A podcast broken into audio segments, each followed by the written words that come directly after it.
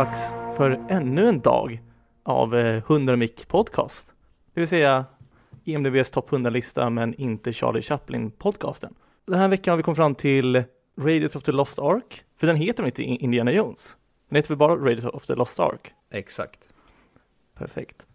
Eh, och med mig som vanligt har jag Viktor. Säg hej. Yes. Hej. Och vi har även med oss en gäst idag. Vill du också säga hej? Ja, men det kan jag göra. Det är ju en Viktor till här. Och du kommer ju från en annan podd, eller hur? Ja, precis. Ni har ju haft min eh, kära poddkollega Fabian med här tidigare. Jag är ju då jaget i Nörden och jag, där Fabian är nörden så att säga. Så att, eh, ja, jag har lite att leva upp till. Jag vet inte riktigt, jag har egentligen varit med här. Det är Fabian som är den som kan saker, så jag vet inte riktigt vad jag gör här. Men det löser sig. Ja, men du, du är ju lite av, av du är mig i, i er variant. Eller jag kanske är dig snarare, i vår Är variant. du, är du jag alltså? Ja, exakt. Det är, det är Viktor som kan saker om film och jag är bara den som tycker till om saker. Men som egentligen inte kan så mycket. Jag är med. Ja, men då så. Men Det här blir ju perfekt. Då Ja. känner jag igen Ja. dynamiken med andra ord. Det här blir ju eh, som en barnlek. Kul. Eh, ja men exakt, och nu sa det, Noipod. Eh, ni som lyssnar på oss och har hört i avsnittet har förhoppningsvis gått och lyssnat på den podden. Om annars, gör det. Svinbra podd. Eh, Äsch då. Och jag ska bara, innan Viktor får fortsätta, du Mm. glömde att säga Fredrik, det här är avsnitt, eller placering 56 och vi görs i samarbete med Moviesin.se, Sveriges största filmmagasin på nätet. Så skönt att tredje avsnittet fick vi äntligen till att få med det. just det. Movies in, de är jävligt bra. Ska du börja direkt? Eh, Förlåt, Viktor, eh, jag vill gärna höra lite mer om dig. Eh, nej men Viktor Engberg heter jag har ju då eh, den här eh, nörden och jag tillsammans med Fabian Nordlander då som egentligen är nörden i, det där, i den konstellationen. I övrigt så, eh, ja jag har fask men jag har haft lite andra poddar också sådär som inte alls är i närheten av, av nörden jag i, i popularitet och sådana saker men det, det har jag haft och har. Um, utöver det så är jag för, för tillfället föräldraledig. Och eh, med det sagt så har jag dessutom satt in, det kanske hörs, det är framförallt för att jag säger det för att det hörs, för att jag har satt in en tandställning precis i min underkäke, så att jag har en liten sån här touch av eh, ljud i, i, eh, i min röst. Och jag vet inte riktigt hur man får bort det än, så att det ska väl vänja sig. Utöver det, jag är föräldraledig från ett bankjobb, så att jag går omkring och utforskar Stockholms museiliv för tillfället. Jag har nog, jag vet fan med varit på allt just nu. vilken är din favorit än så länge? Ja, men alltså, Skansen har ju en, en grej som heter Baltic Sea Science Center. Eh, det var svårt att säga med tandställning. Där de har en massa typ, vanliga fiskar. Eh, abborrar och gädda och torsk och grejer. Och där min ett och ett halvt åring har blivit helt frälst i det stället. Så det, det är bra. Um, så annars, nej, men det skulle jag väl nästan säga är det. Livrustkammaren är ju fräckt också, men det är ju inte riktigt lika lätt att gå omkring med då, som sagt, en ett och ett halvt åring som vill gå omkring och bara riva och slita i allting. Just livrustkammaren finns det ju ganska mycket grejer som potentiellt kan gå sönder om någon som vill kladda på den liksom. Så att det är ingen större lust att han går omkring och liksom drar i Ankarströms eh, flintpistoler där. Så att det, jag, ja, ja, nej. Jag får kanske inte ut maximala upplevelsen av alla, av alla sådana här museum jag är på. Men därför, därför funkar Skansen väldigt bra, för det är liksom stort och öppet och bara låta han springa. Ja men kul. Hur många avsnitt har ni kört nu Noipod där du har haft tandställningen? För att det hörs ingenting jag som är lyssnare, jag har inte hört någonting utan du har bara nämnt det vid något tillfälle Men det hörs absolut ingenting Men jag har haft det i fem, sex avsnitt nu, men, men grejen är ju att jag, jag känner ju själv när jag pratar, så att jag, det är någonting sånt. Det är otroligt ointressant content, ska jag bara säga, eh, att jag ens eh, nämner det. Eh, för tillfället nu då, så håller vi på och gör Nörden och jag, jag vet inte när det här kommer ut, jag antar att det kommer ut på tisdag nu för att datera den här podden. Då har vi precis pratat om Tenant, för fasiken, så att ehm, då har vi till och med ett nytt eh, Noipod-avsnitt ute. Ehm, och det är bra. Har ni sett den? Ni kanske har pratat om Tenet redan? Vi har snuddat vid Tenet, Mm. jag har sett den två gånger, du har sett den en gång va Fredrik? Ja, jag har inte hunnit en andra gång. Ja, och det, det kan jag fråga dig eh, Viktor, har, har du och Fabian sett den en gång? Ja, det är det som är problemet. Vi har ju bara sett den en gång var och jag insåg ju, alltså direkt efter jag sett den första gången, bara aj då, så här, vi kommer inte kunna prata om det här. Så vi kommer faktiskt med oss en gäst, vi kommer spela in imorgon och um, ja, imorgon fast det som är redan ute så tog vi in en, en eh, gäst som har sett den fyra gånger så att han ska liksom kunna prata om det på riktigt och verkligen så här. Han har alla analyser och vi har bara liksom första känslan om man säger så. Bra, för det är det jag skulle säga med den. Jag var otroligt besviken efter första gången, sen gick jag in och såg den andra gång och bara Aha! Det var den här filmen jag skulle säga. Ja, ja men jag, det, ja, jag har förstått att det är så man ska tänka Mm. liksom. Men Fredrik, vill du dra igång med Fuck, Mary kill direkt eller? Ja, som vanligt när vi har gäster så brukar vi försöka lära känna deras filmsmak egentligen och då så brukar vi köra en lite speciell variant som Mhm. är då att vi väljer ut tre stycken filmer, franchise, karaktärer eller regissörer, egentligen vad som helst i filmvärlden, där du får då välja en att du, som du vill ligga med, en du vill gifta dig med, en du vill döda. Okej. Och det är då viktigt att eh, notera, det är ju rent metaforiskt då självklart, inte du behöver göra någonting med en VHS-kassett eller liknande, Aha, om inte det var ja. underförstått redan. Ja. Ja, jo, Eh, ja, Sen får du, du får motivera helt själv. Du behöver inte ha, alltså, våran typ av definition på vad just fuck, marry eller kill innebär, utan där får du ranta runt dig själv och motivera. Självklart. Shoot! Okej. Bra, då kör vi. Vi börjar med den klassiska första trion som vi alltid kör. Och då får du välja mellan Harry Potter, Sagan om ringen eller Star Wars. Oh! Eh, shit. Ja, så här, Harry, Harry Potter direkt känns som att den ryker. Alla de här, man ska lägga in här att alla de här har ju någon form av liksom så här förstörande bihang, någon, någon form av aj då, vad, hur tänkte ni här? Och det är ju ja, men Fantastic Beasts, The Hobbits och Prequels-trilogin. Um, ehm, med reservation för att Prequels-trilogin kanske har fått lite redemption med tanke på hur jävla klappkass Last Jedi var. Um, Okej, så här. Star Wars var nog första kärleken, men Lord of the Rings var en starkare kärlek när den väl kom. Alltså, jag vet inte hur gamla ni är, men kommer ni ihåg 2001? Alltså när man satt där i biosalongen och bara såhär What? Alltså första Sagan ringen. På bio, eller andra, eller två tonen när hela Massive producerade Helms Deep. Alltså jag visste inte vad jag skulle ta vägen, jag var 12 då.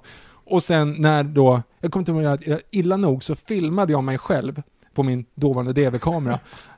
24 timmar innan jag skulle se Sagan om Konungens återkomst. För att jag visste inte vad jag skulle göra med energin. Jag bara så här, alltså jag, om, om 24 timmar ska jag se Konungens återkomst. Och inget mer med det. Men bara för att det var så jävla stort så jag visste inte vad jag skulle göra liksom. Nej, okej, men Harry Potter försvinner. Självklart, det var det jättebra när det väl kom. Men det är inte lika starkt som de andra två. Frågan är, jag ska också lägga till att jag fan såg med Phantom Menace tre gånger för bio också. Jag såg den första gången i Mm, England, jag var film. Ja, men jag var nio och det var det absolut bästa jag hade sett någonsin då, men det var ju bara så här, lasersvärd. Alltså det var ju det man gick på. Eh, och sen så hela den här grejen om, om politik. Men det var lite samma sak som man såg typ Jurassic Park när man var liten, för då så här, allt som de pratar spolar man förbi och bara kollar dinosaurier. Det var lite samma känsla för Phantom Menace fast man satt på en bio Mm. och klädde ut mig gjorde jag. Två gånger när jag såg den på vanliga, uh, hur som helst. Nej okej, men jag säger så här.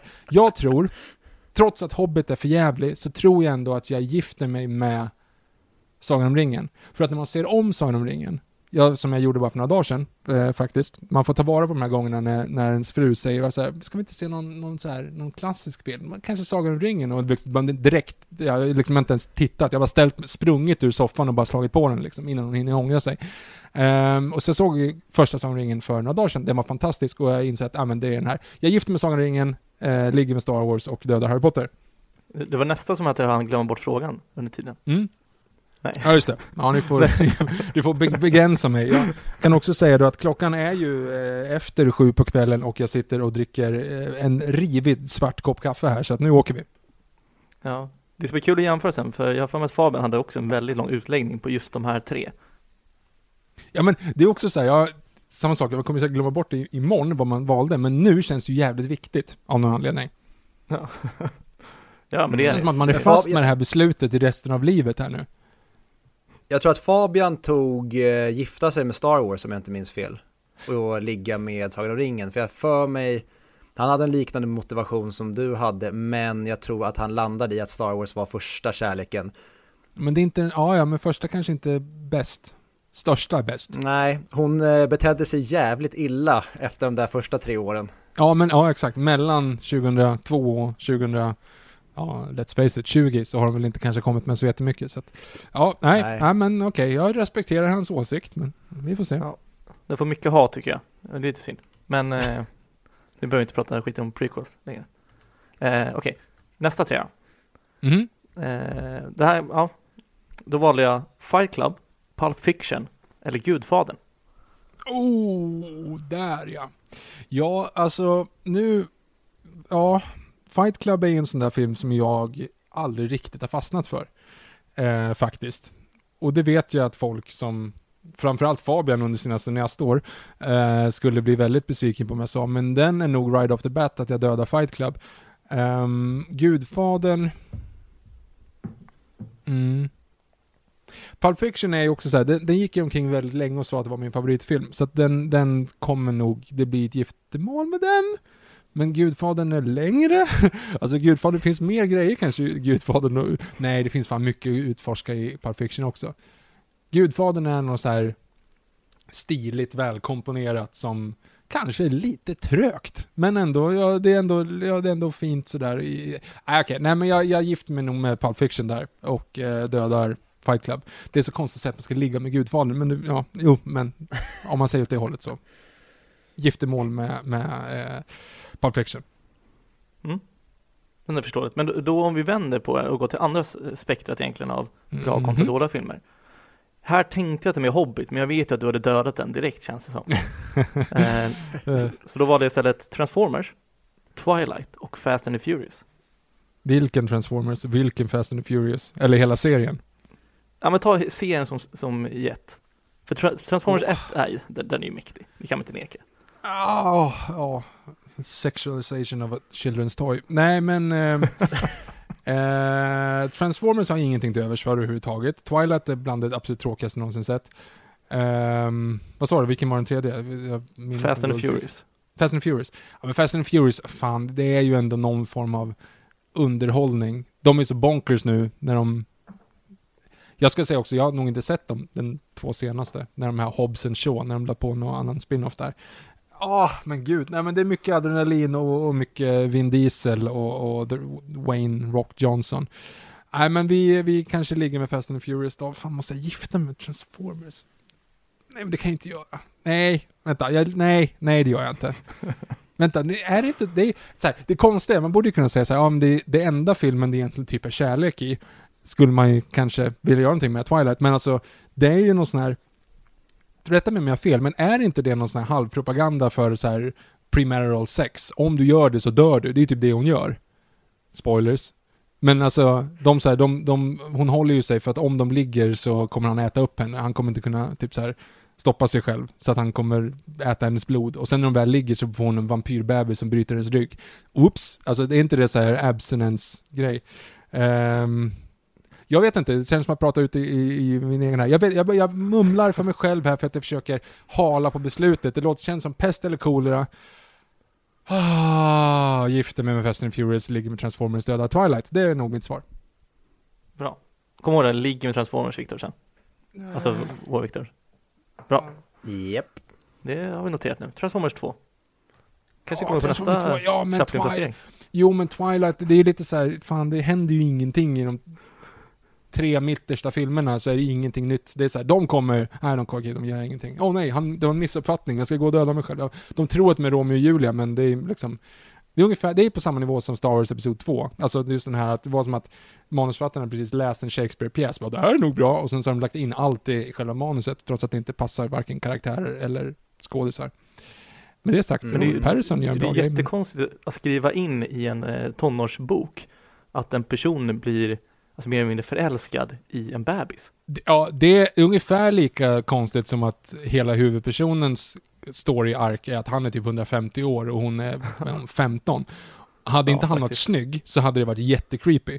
Det är ju så här, heter han, Anna Nicole Smith och han eh, Rock, eh, Rockefeller är inte, men den här oljemiljardären. Det är ju den storyn egentligen.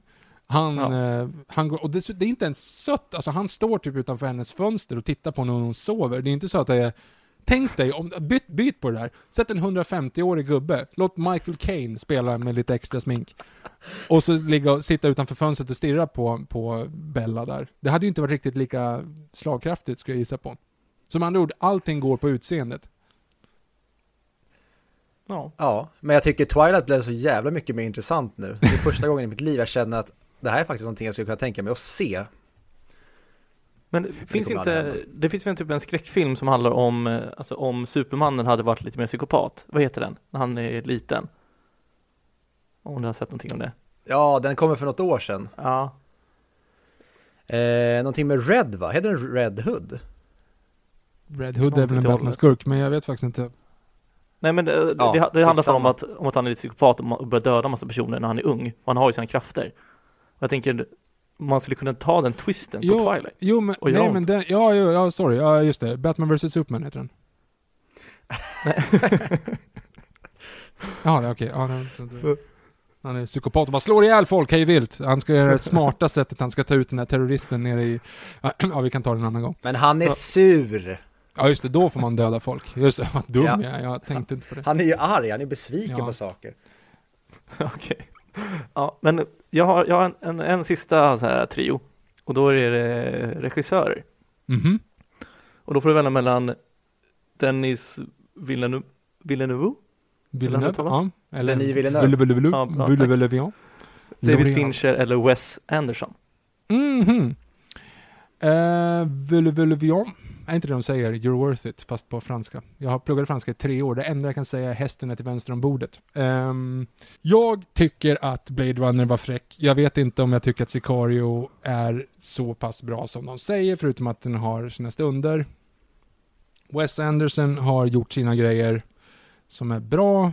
Fincher är i det här, alltså jag är, det ska man också bara lägga in här. Återigen, vi heter Nörden och jag i vanliga fall. Jag är liksom mainstream personen i det här. Så att jag de här autistiska grejerna, det ska du liksom ta med Fabian egentligen. Så att fan, Fincher är lite mer...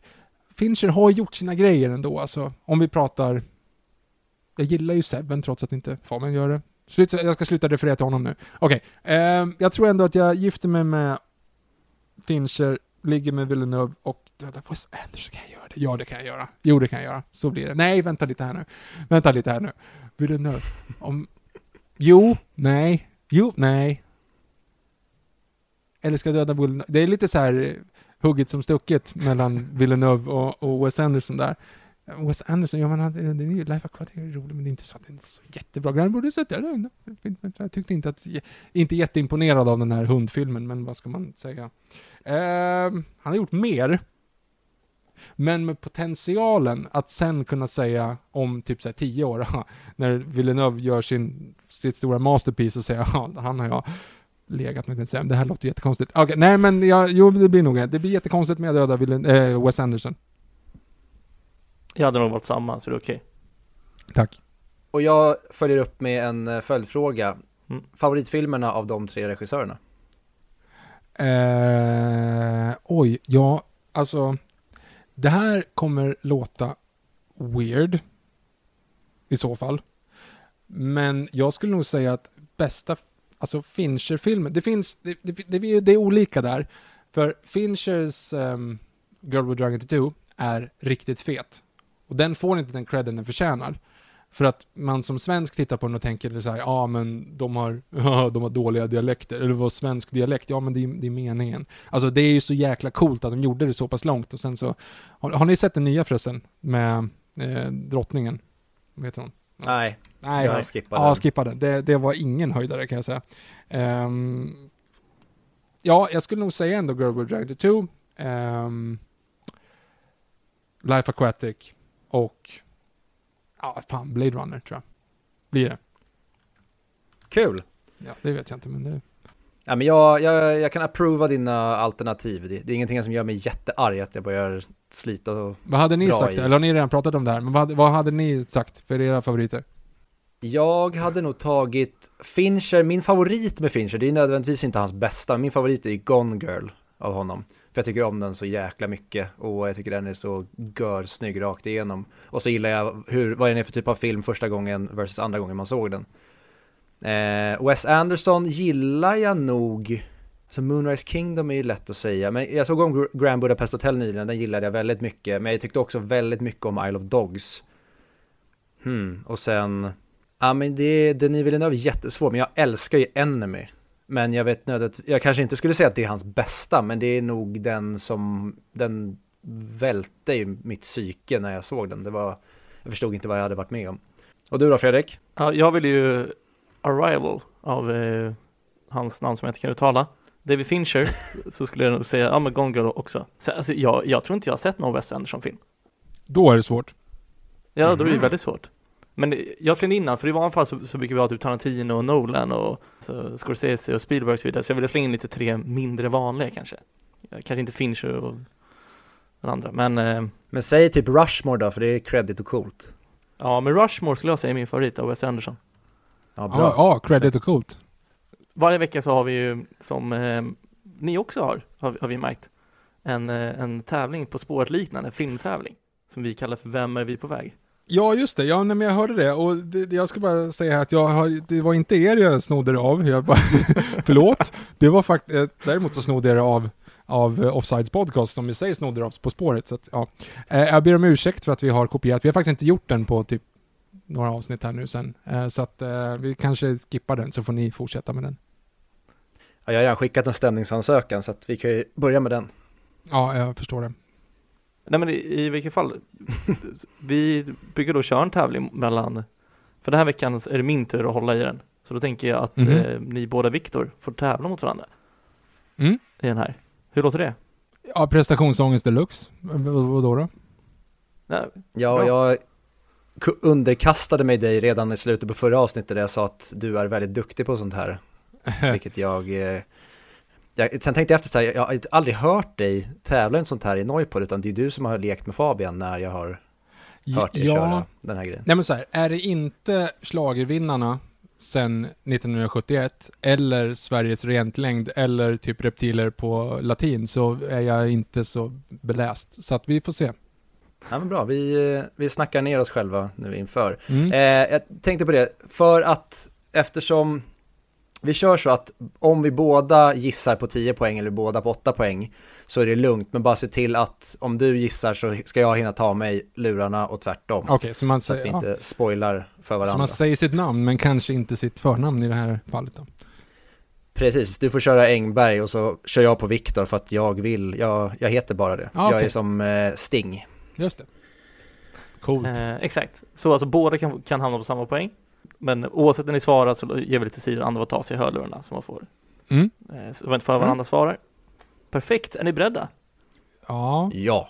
Kanon, då börjar vi med 10 poäng i Vem kan det vara? Okej. Född 1983 i Chicago. Douglas i mellannamn. Även en tidigare marin. Vår person började sin filmkarriär 2012. Samma år fick vår person en roll i en tv-serie som pågick i fem år. Från den var hen nominerad tre gånger för en Emmy. Även om hen är den första mannens chaufför så har hen varit ensam, men det är något vår person själv nekar och försöker glömma. Jag drar Viktor. Och jag gissar på Okej, ska vi vinka nu så han får ta, ta tillbaka? Japp. Välkommen tillbaka. Jag vet inte hur, hur, hur hårt ni kör på liksom ordvitsar och så. Ehm, för jag har ju en gissning på bara, på, alltså, för det kan inte vara så jävla, just det, nu, nu motiverar jag här då bara för att jag, du har redan Mm. svarat Viktor. Men det är så här, det, Mm. det kan ju inte vara så jävla många som är nominerade till tre Emmys på en, en, en så pass kort serie, så att jag har ju mina gissningar. Om du drar på tre måste jag fan också dra på tre, eller dra på tio så drar jag också på tio. Ja, jag vill Mm. gissa i så fall. Ja, men då är det ju, skulle jag gissa. Okej. Alltså, när båda gissar, ska jag säga Mm. nu eller ska jag läsa igenom alla så får ni sakta men säkert inse om ni har rätt eller fel? Ja, vi kan ju få säga om vi står, står säkrare eller skakigare efter varje motivering. Ja. Okej. Åtta poäng då. Han har varit, varit först med att visa upp hur ett ostabilt vapen ser ut. Om vi tennetar honom så ser vi honom tillsammans med den nyare huvudstaden i en film från 2019. Han har varit ne- nominerad för Oscar två år i rad och båda filmerna hade något med religion att göra. Mm. Okej? Känner ni att Nej, Jag känner, jag känner mig ju helt åt helvete. Men eh, det ska bli kul att höra Mm. eh, svaren, för jag förstod dem inte de här. Ja, jag kan förklara. Jag, de, de är väldigt komplexa när jag ska göra dem, med flit.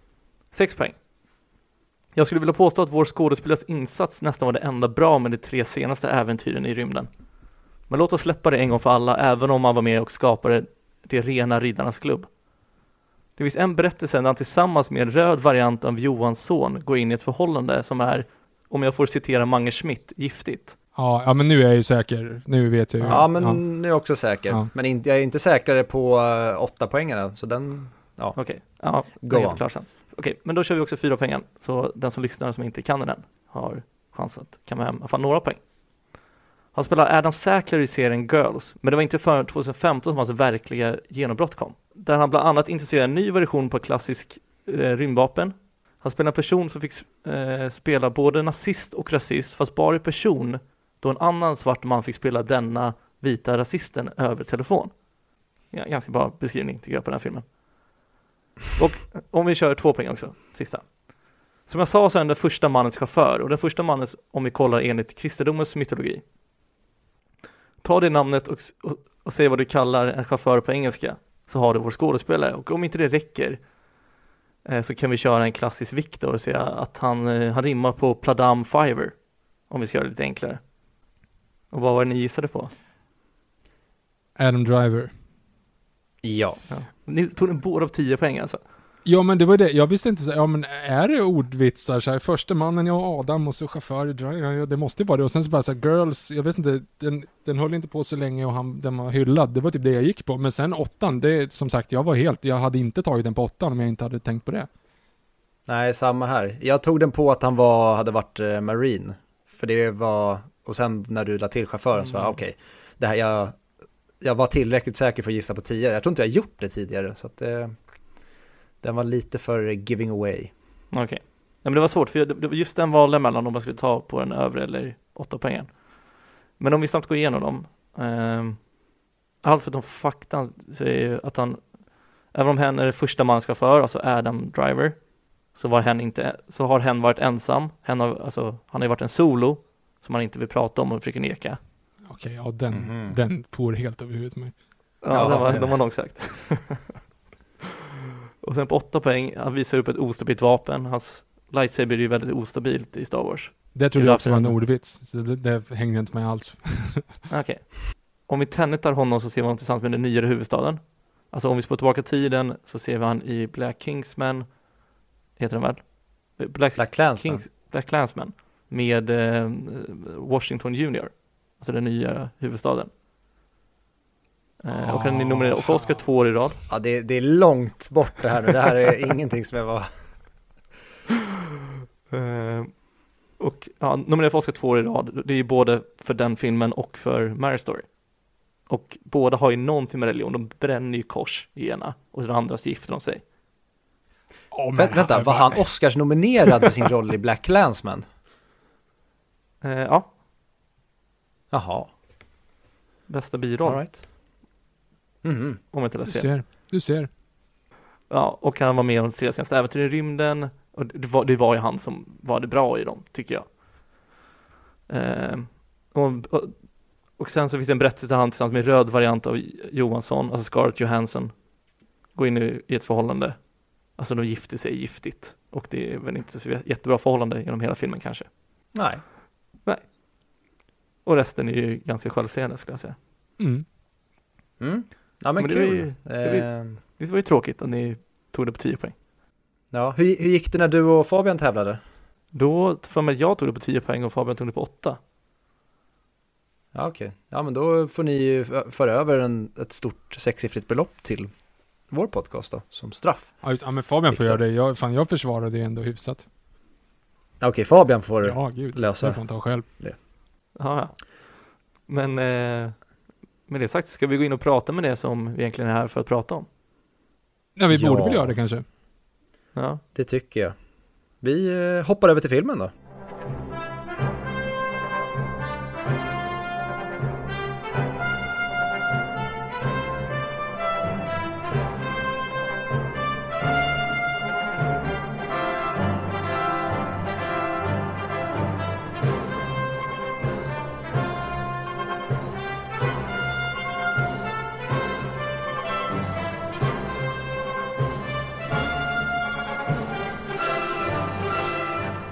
Och då var vi framme vid Raiders of the Lost Ark. Det är då placering 56 och det är då en film av Steven Spielberg som han gjorde 19, 1981. Och det är ganska viktigt också att säga till att det är George Lucas som har skrivit idén. Vi kollar på dig, Viktor, som bekräftelse. Vilken av vikterna? Ja, men- exakt. Båda två.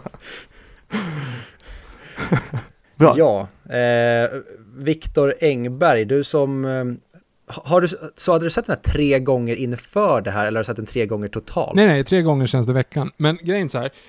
um, om, om vi ska gå igenom själva filmen i, i sig då. Det här är ju en av de absolut, alltså, du frågade ju lite grann vad, vilken av filmerna jag skulle vilja prata om om jag fick välja. Och eh, Raiders var en sån film som att jag är otroligt imponerad av Raiders of the Lost Ark. Inte för att den, det är inte ens den bästa Indiana Jones-filmen, skulle jag säga. Men det är, en, det är perfektion ut i fingerspetsarna utifrån vad det är vad det är och vad det ska vara hur den pitchas och hur den gjordes och varför den gjordes och allt det där liksom. Ehm, jag vet inte, hur vill ni göra med story och sådana saker? Ska jag eh, babbla på? Ni får stoppa mig. Nej, skitsamma. Stoppa mig om ni kan. Ehm, Steven Spielberg och George Lucas, gamla polare, de eh, har gjort sina egna filmer sådär. Spielberg är ju från hitten Jaws. Men, han, men Jaws gick över budget, gick över tid, det var liksom han... Det blev en hit, men han var ju inte... Han, var ju inte så omtyckt egentligen som regissör på det sättet, utan han sa okej, det, det, det var en lucky shot. Det där kan ha blivit liksom... um, det, det där kanske hade varit lite tur, för att det var inte hans förtjänst liksom. Sen gjorde han ju eh, Close Encounters, visserligen som gick bra, men sen gjorde han ju 1941. Och 1941 är bland de absolut sämsta filmerna jag någonsin sett. Det är alltså en, en, eh, en andra världskriget-komedi med Dan Aykroyd. Och jag skulle säga att jag blev typ en av få filmer jag faktiskt blivit totalt provocerad av som inte är typ Pledge This och um, Human Centipede. Alltså, det är otroligt dåligt. Alltså det, det är dåligt på så otroligt många nivåer. Det, det är... Um, storyn är att ett par... Um, att efter de har bombat Pearl Harbor så vill då en, en eh, japansk ubåt bomba Hollywood, för det är det som är liksom USAs hjärta egentligen. Och sen så är det bara ah, 60 karaktärer som alla vill bara går ut på att alla vill porka på olika sätt. Eh, det innehåller en av de absolut värsta upskirts, upskirts ehm, bilderna jag nå- någonsin sett i en, i en, på riktig, i en riktig film så att säga. Och eh, det, det är bara liksom smaklöst och hemskt. Samtidigt, George Lucas, han gör ju sin, han har ju sin Sista natten med gänget, alltså American Graffiti som går okej, och ändå är rätt bra sådär, och sen gör han ju den här lilla detaljen Star Wars. Ja, den där ja. Och när då, den lilla detaljen, och ingen tror att det ska bli en hit, så att eh, George Lucas och Steven Spielberg, han tar med sin polare då, Steven Spielberg och åker till Hawaii, när de ska släppa liksom siffrorna på Star Wars. Så 1977 så åker de till Hawaii, och eh, George Lucas bara, var med mig här, det här kommer, det här kommer gå piss, men vi, vi sitter här och vi kan liksom dricka bira och tänka på hur, eh, hur vi ska göra i framtiden här nu när vi kommer bli lynchade för att vi, vi kan inte göra bra filmer. Det visade sig att den där filmen blev ganska bra. Eh, det gick ganska bra för Star Wars, det gick svinbra till och med. Så att eh, de stå, sitter där ute och liksom allting är frid och fröjd och eh, Spielberg frågar, liksom, eller George Lucas frågar Spielberg, så här, men vad vill du göra? Ehm, Spielberg svarar egentligen att han vill göra en Bondfilm, för att eh, han har alltid velat göra en Bondfilm. Grejen är ju dock att, att ehm, Bond är ju under den här perioden, under Roger Moore-eran, så att det är ju liksom så här, helt, det är inte lika liksom, ska man säga, det är inte lika credit som det en gång var. Det har inte varit hållit på så länge, det har hållit på i 15 år, alltså Bond-filmerna har inte hållit på så länge. Eh, men eh, Spielberg säger att han vill hålla på med att göra en Bond-film. Det gör ju inte, I en Production låter ju inte typ amerikaner regissera under den här perioden, utan då var det ju liksom, du ska ha jobbat dig uppåt ifrån i, inom MGM. Ehm, men George Lucas säger så här, ja fast vänta lite här, jag har, jag har en idé. Kolla på det här. Och så tar han fram en story som han har kommit på om en arkeolog som heter Indiana Smith. Indiana döpte efter hans hund, en Alaskan Marmaduke, som för övrigt också är inspirationen till Chewbacca, för den som är intresserad.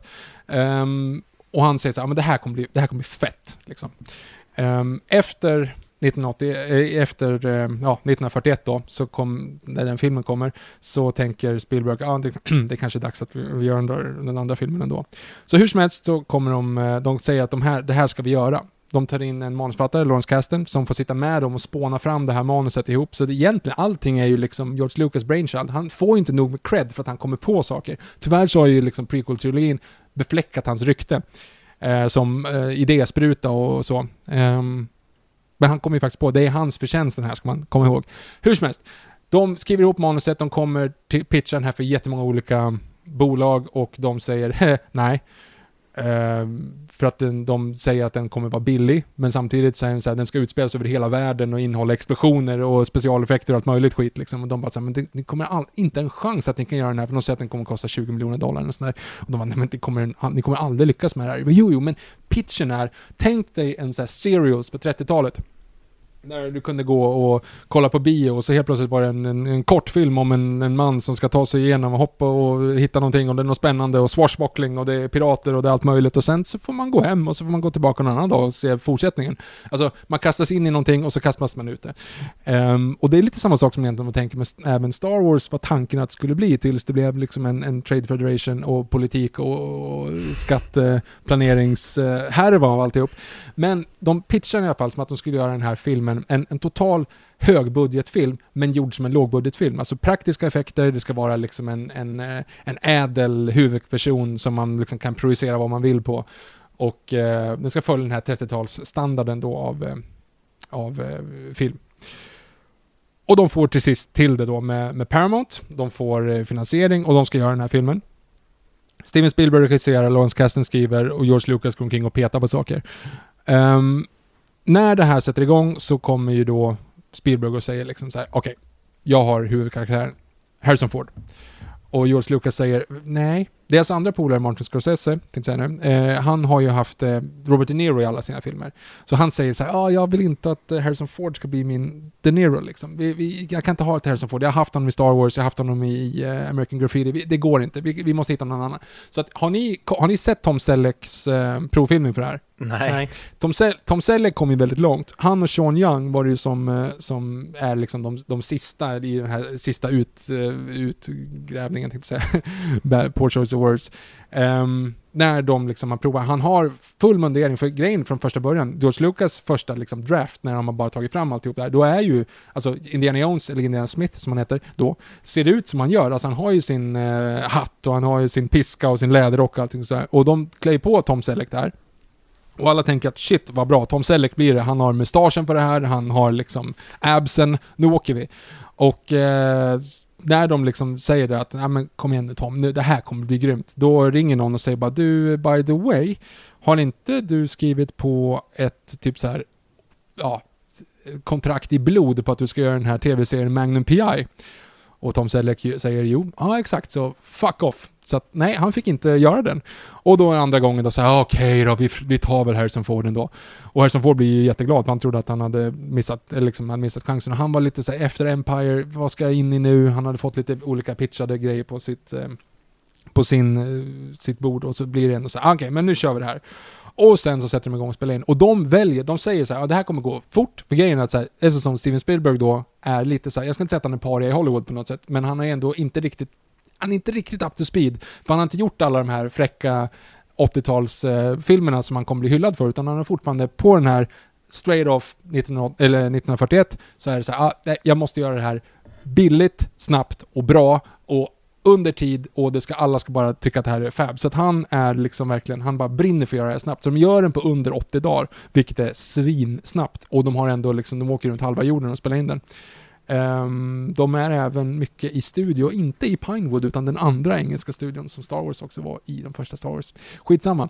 Uh, ska också bara brasklapp, anledningen till att jag kan det här är allt, allt cred jag säger nu ska jag bara ge till Fabian Olander som är nörden i vårt Nörden jag, eftersom det är han som har lärt mig. Jag kan egentligen inte alls om det här, men vi har ju redan gjort ett Indiana Jones-avsnitt och därför jag kommer ihåg det. Kan någon avbryta mig? Vi får väl eh, försöka. Vad var det jag tänkte på? Jo, eh, för er som inte vet vem Tom Selleck är så är det ju då, om man ska ta för kanske vår generation så är det ju då Richard i eh, Vänner. Monikas eh, på tok för gamla, eh, blir han fiancé eller är de bara tillsammans? Eller? De är bara tillsammans. Förlovar de sig? Nej, jag tror inte. Han, eh, han friar aldrig. Eller han kanske friar, Ja. men Chandler vinner. Och skitsamma. De, de blir aldrig mer än så. Ja, han ställer till problem för hjälten i Vänner, Chandler. Vad var det jag skulle hoppa över till? Tack och lov att Tom Selleck hade signat på Magnum P.I. vid det här laget. För det var det första jag skrev ner i mina anteckningar när jag satt och såg den här filmen. Är Harrison Ford världens vackraste man? Ja.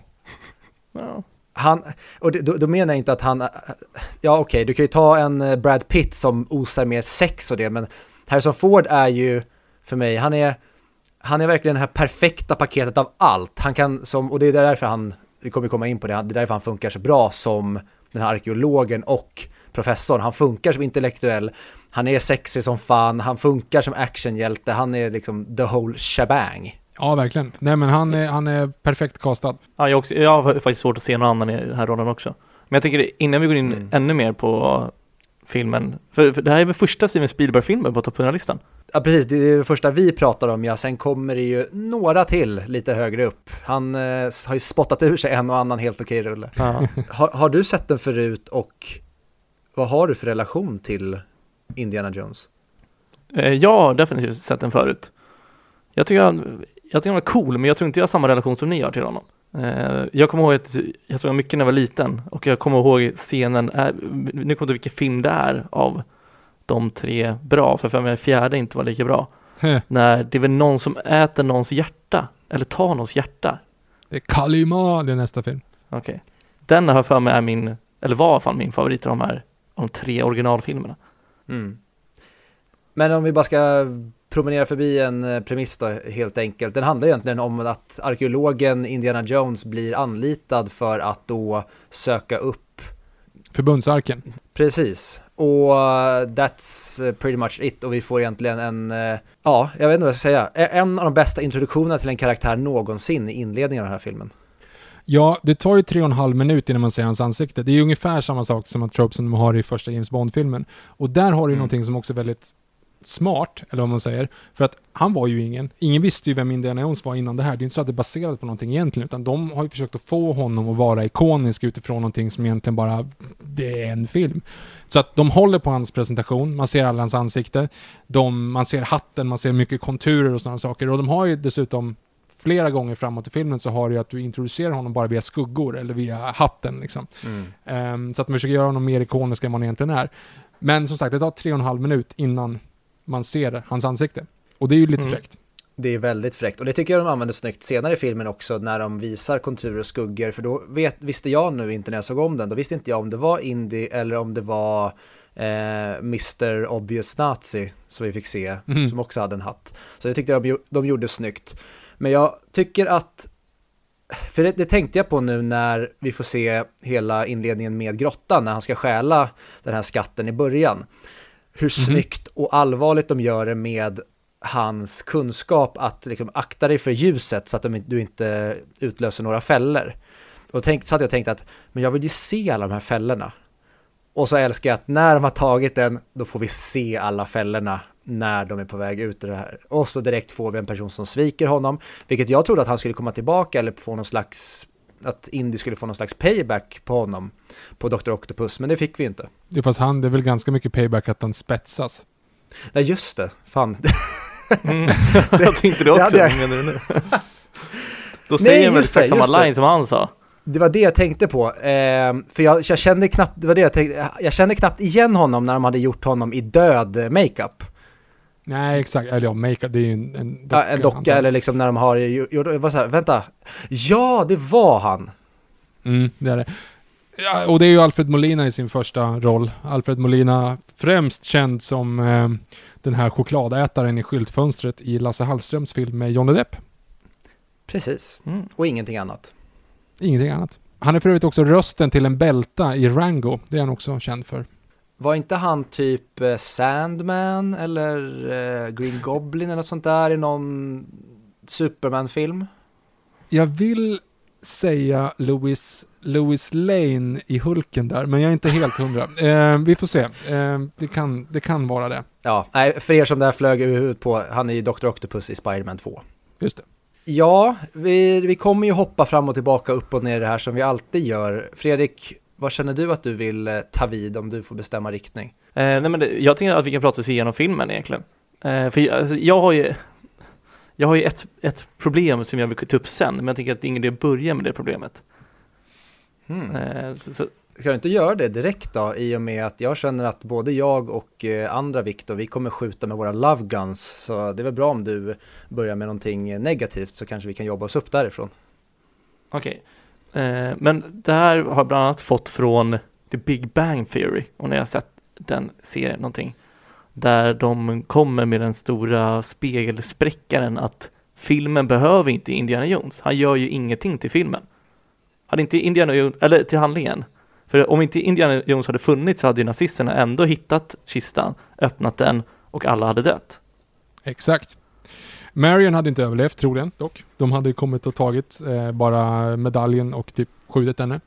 Ehm, Det hade varit en annorlunda grej. Det hade tagit längre tid. det hade väl Ja. det möjligtvis. Eh, om inte han hade varit där.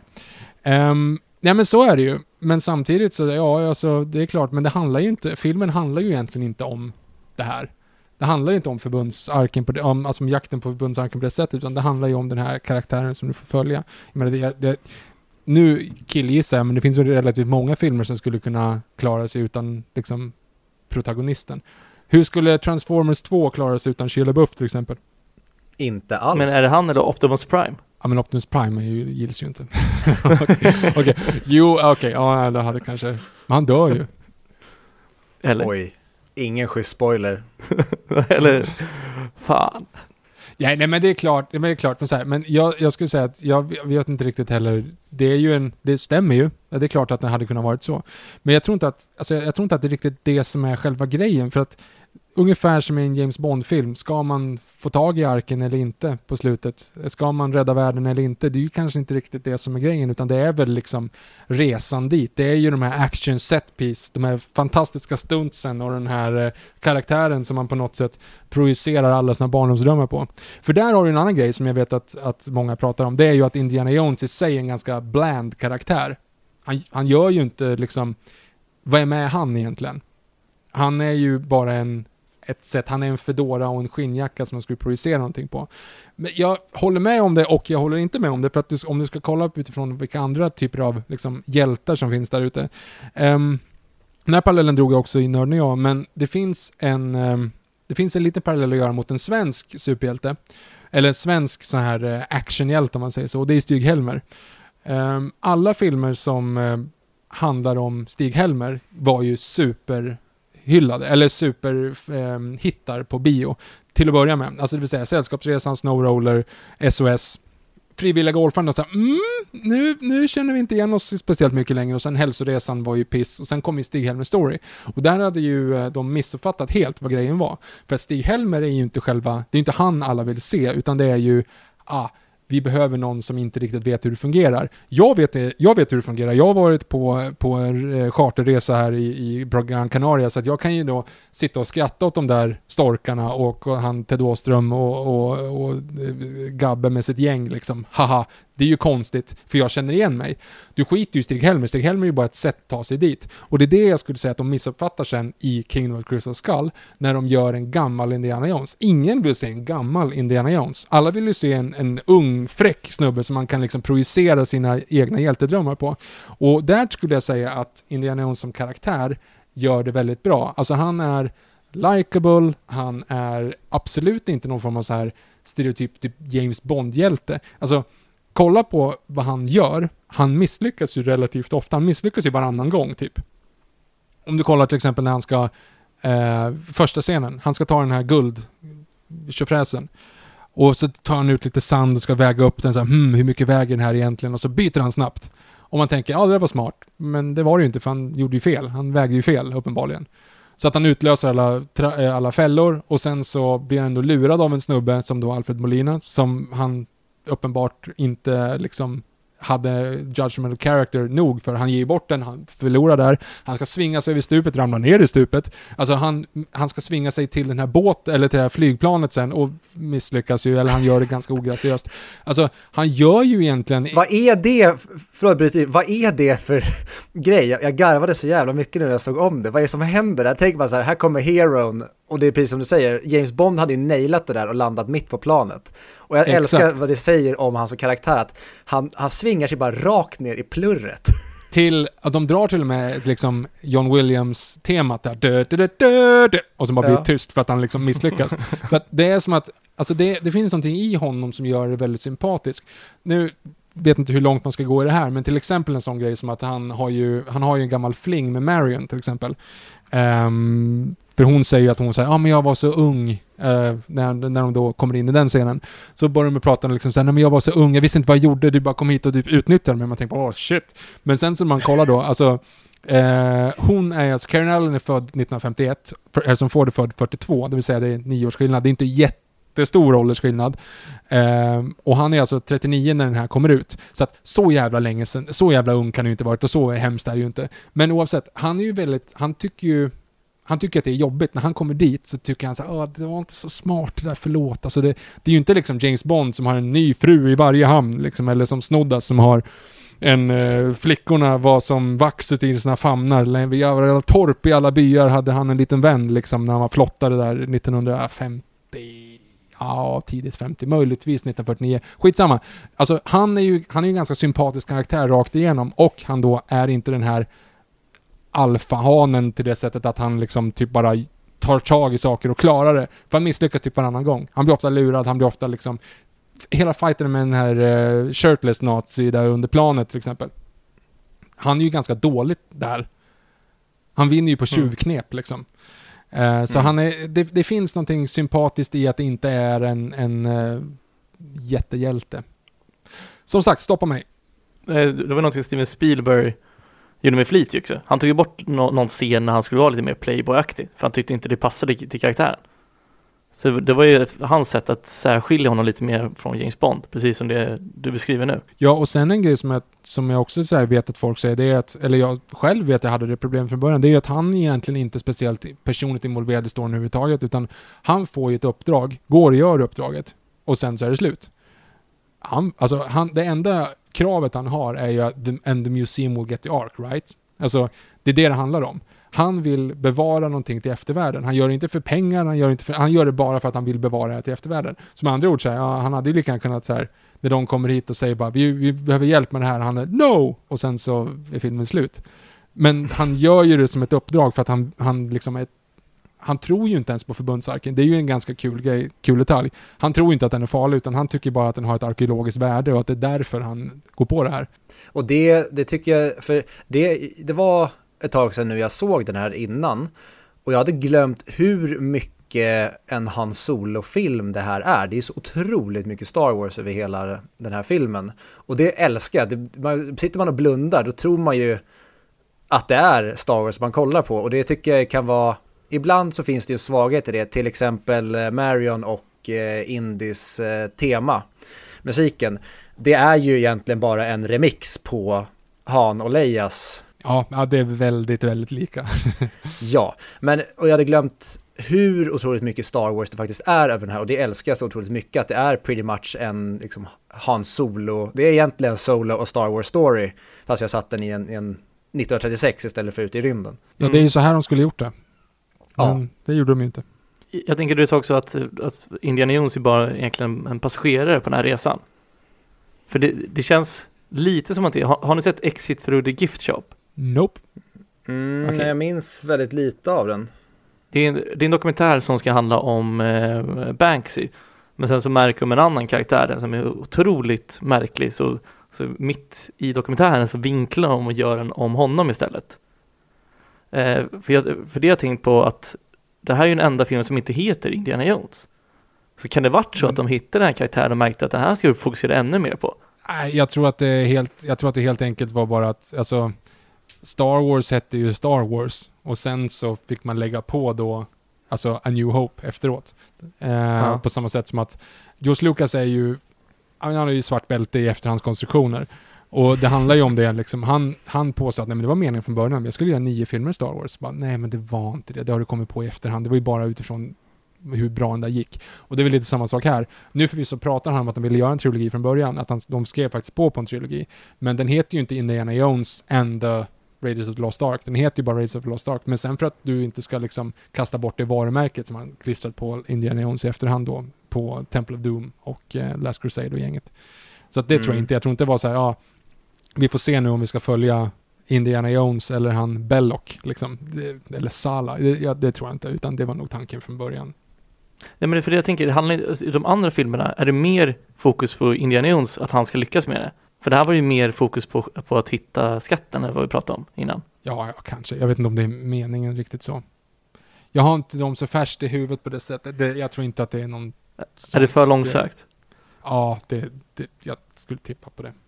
Ja, de, eller, ja, det de gör i trean det är ju att de, man får se en liten uh, ung version av Indiana Jones i form av, uh, visst är det River Phoenix som spelar honom va? Yes, box. Ja, Men ja, och det kan jag tycka är ett problem med, med sådana här filmer. Det är kanske varför jag tycker att den här filmen är så otroligt bra. Det är just därför att här känns det som att vi ger allt på den här rullen. Vi har inte en tvåa eller trea i tanken än, utan nu ger vi vårt allt här. Och sen får vi se hur det landar. Och jag hatar sådana grejer som när man är, man egentligen bara pitchar upp för någonting som ska komma senare. För det känns som att bara egentligen, varför, varför såg vi ens det här om det ändå ska bli en fortsättning som är det viktiga. Här känns det som att allting är viktigt, allting händer här. Allting är hela tiden, det handlar om den här filmen, det är inget, inget senare som ska komma. 100% enig och det är vi ju inte bortskämda med nu. Det är liksom därför var det så skönt att se Tenant som faktiskt nope. inte säger ja det handlar inte om om efterföljare. Men alltså, jag, det var ju, visserligen under den här perioden så var ju inte uppföljare var inte på det sättet. Uppföljare var ju en B-rulle som man skulle dra på lite, det kostade mindre pengar och sen så förhoppningsvis så skulle den dra in lite så här, ja, hoppas någon av skådespelarna vill komma tillbaka. Kolla på Jaws 2 eller Jaws 3, ännu värre. Jaws 4 är fan för jävlig, om ni har sett Eller dem. Simba skatt. Så usel en skam kan inte jagas no långt nog härifrån för att citera en eh, hippopotamus, heter det, flodhäst från den filmen. Åh, det är ingen bra film. Det är ingen bra film. Jag har tyvärr lyssnat lite väl mycket på soundtracket, men det är, det är mest, det ligger mer på mig än på filmen faktiskt. Um, mm. Just för att i den här jävla, äh, äh, så här, okej, okay, äh, lugn, jag backar två steg. Ni kommer ihåg introt i äh, Lejonkungen 2 Simma skatt? Nej, det är jag faktiskt inte. Nej. Det är alltså introt som de, det är ju en, den är ju direkt tagen från Broadway-musikalen Lion King. Fantastisk låt. Den versionen är inte lika bra, men det finns eh, för den som är intresserad och eh, intresserad, ja, vill eh, streama på en, en, eh, en sajt. Just det, det är inte SR, man får ju säga vad man vill. Ja, nej men Spotify så finns ju då, eh, alltså live-versionen från Broadway-musikalen på den låten, vilket är fantastiskt. Ta den istället. Och sen tyvärr så, jag tänkte så här, på papper så är det fantastiskt att de liksom inkorporerade i uppföljaren, men det, det blir inte så. Vart var vi? Indiana Jones, just det. Uh, jag kommer inte ihåg vad du frågade. Ja, uh ja, det kommer inte jag heller ihåg, så att jag hoppar in på någonting annat. En grej jag också tänkte på när vi ändå varit inne på lite hur eh, mycket James Bond-esk det är i den här. Jag fick otroligt mycket Tintin-känsla nu när jag såg den här de, det funkar väldigt bra med det här ibland, det blir väldigt teatralt, typ som när någon gång när Marion hoppar upp på Indy och typ sitter som en apa på honom, men benen bara sticker ut och då fick jag direkt så det här känns som en Tintin-grej där Kalkyl hoppar upp på Haddocks axlar eller något sånt. Och det tycker jag funkar svinbra i den här, att de ändå har det här lekfulla. För det tycker jag att, hade den här gjorts idag, då hade det varit så otroligt mycket humor som inte hade passat in att det hade blivit en komedi. Men det är ändå allvaret får behållas genom hela filmen och så får vi roliga, absurda situationer som kommer ur karaktärerna hela tiden. Och det ska ni ha väldigt mycket cred för, just humorn. För humorn är precis på rätt ställe hela tiden. Förutom en, mm. en scen, och det är första scenen där när de helt plötsligt kommer på att de måste klippa in att han är rädd för ormar. Den scenen är apart. Allt annat är liksom så perfekt, så här, hugget i granit. Um, det finns ju några sådana scener, alltså om du kollar på hur scenerna är ihopsatta, alltså allting är som ett, som ett skådespel, konstigt sagt, men allting är som ett, eh, som ett teater, om man säger så då. Alltså, Spielberg är en mästare ute i fingerspetsarna på att komponera scener. Du har hela tiden koll på vad som händer och vart alla är i rummet och vart liksom man ska hålla, vad som har, vad, vad, om ögonen är där, ja men då händer någonting där och herregud, vi har liksom, vi har dubbel grej. Um, till exempel om det kommer på eh, Marions inledningsscen, Kommer ni ihåg när hon sitter och dricker? Yep. Mm. Och man tänker liksom så här att de, de, den här, och hon håller på att somna. Och du har den här händerna framför kameran. De håller på att byta ut pengar hela tiden. Mm. Så här, ah, hon förlorade. Och sen så rycker hon upp sig och så bara, nej, nej, nej, nej. Och så bara byter hon tillbaka. Och sen så dricker hon den där. Alltså det är komponerat som ett, det syns ju att det är regisserat på ett sätt, alltså det är också konstigt, det är klart att det är regisserat, men du, du förstår vad jag menar. Det, det blir liksom så att det syns att det inte är på riktigt, för det är inte menat att det ska vara på riktigt. Det är en pastisch, det är en 30-talsserie. Och därför kan man säga att skådespeleriet är inte hundraprocentigt liksom trovärdigt hela tiden, utan det är rätt mycket liksom, det är rätt mycket äh, men, prata högt så att farmor längst bak på raden ska höra vad du säger. Alltså, det finns ganska mycket tydliga scener, men det tycker jag är en bra grej i filmen. Um, till exempel den, Alltså det här med, med de som byter ihop. Men sen ska man också, det som jag egentligen tänkte komma till och blandade ihop med, det är att det händer hela tiden två saker. Alla scener händer alltid två saker. Det är aldrig liksom så här vad är det spännande? Är det att eh, Indy kommer att bli mördad? Ja, och han måste hinna ikapp eh, Karen Allen som är slängd i en, eh, i en eh, tunna, eller vad heter det, en vas. Eh, ska han eh, Ska han eh, få smycket? Ja, och han är också eh, ja, skjut, beskjuten av nazister. Ja, ska han slåss mot den här eh, skjortlösa snubben? Ja, och eh, Marion är instängd i det här planet. Alltså det finns alltid två saker. Det finns alltid liksom, spänningen ligger alltid i dubbelt. Han ska Mm. fånga någonting och han har det där som är ett problem. Han ska göra det där och det där är ett problem. Alltså så här, det, det, du får aldrig riktigt andas på ett bra sätt, för filmer ska andas, men du får aldrig riktigt så här, i actionet driver hela tiden storyn framåt.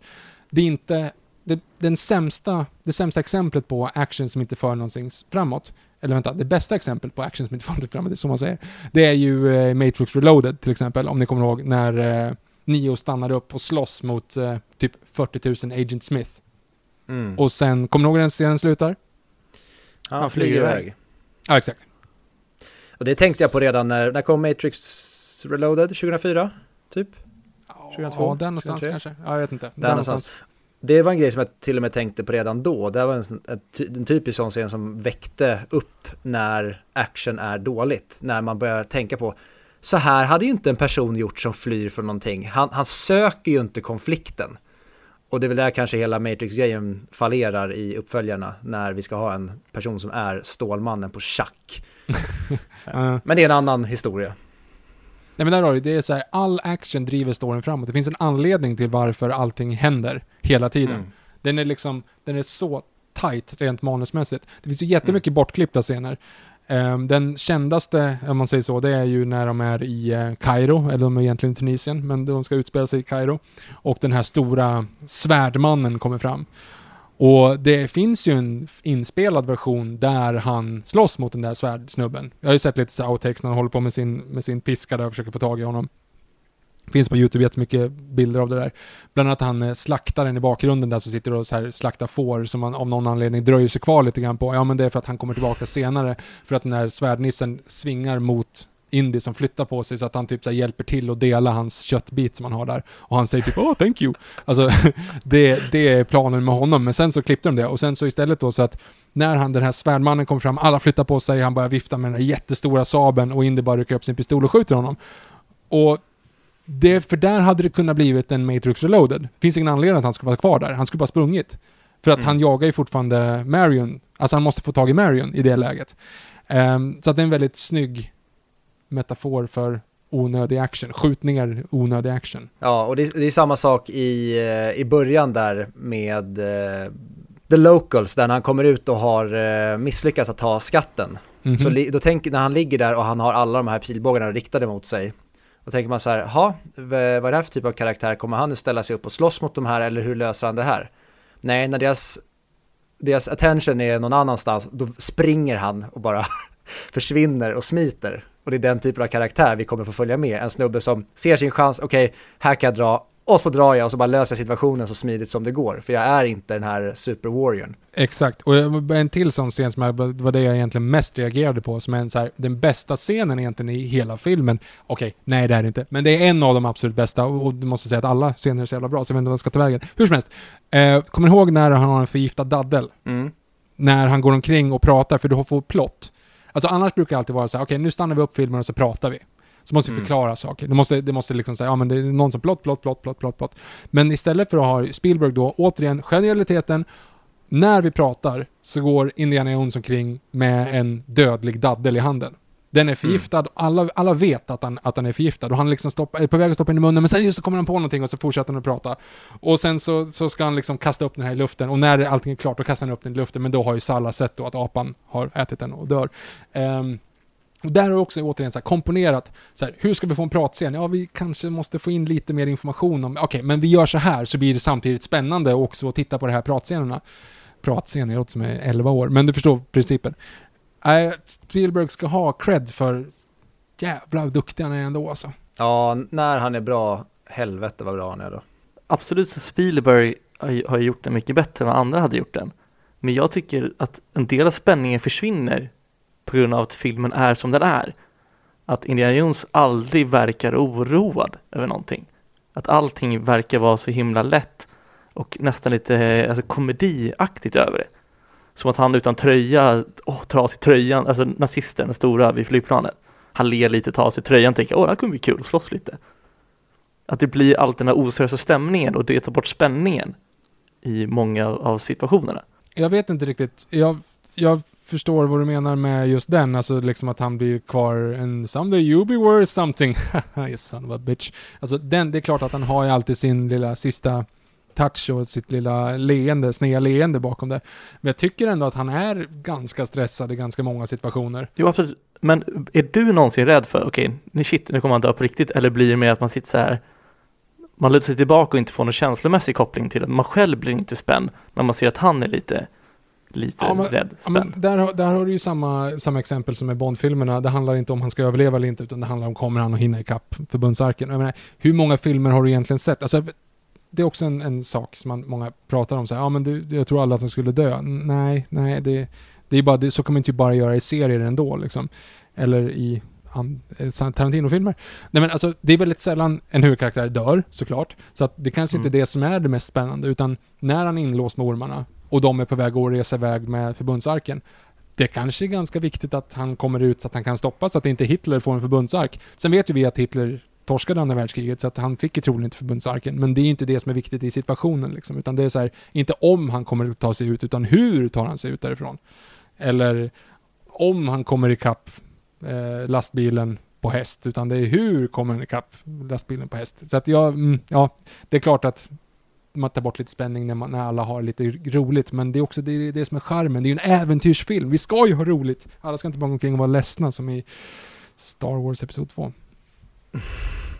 Men det, men det kan jag också känna är eh, en del som du pratade om tidigare, det här med att det, det finns något dubbelt hela tiden, att det inte bara är fokus på en grej, utan man gör flera saker i scenerna hela tiden för att det ska handla om olika saker. Och hade tonen inte varit som den har var, alltså hade varit, då hade jag haft kanske mer förståelse för ditt resonemang, Fredrik. Men jag tycker ändå, jag tycker också därför det finns en likhet med Star Wars, att man ska egentligen inte hela tiden vara orolig för om Luke kommer att dö, för han är hjälten, utan det är saker runt omkring och hela den här situationen, typ som när de blir indragna av Imperiet i Episod 4, då är det mer att hur tar de sig ur det här? Inte att kommer de bli indragna nu och sen så kommer Darth Vader avrätta alla och hugga huvudet av dem.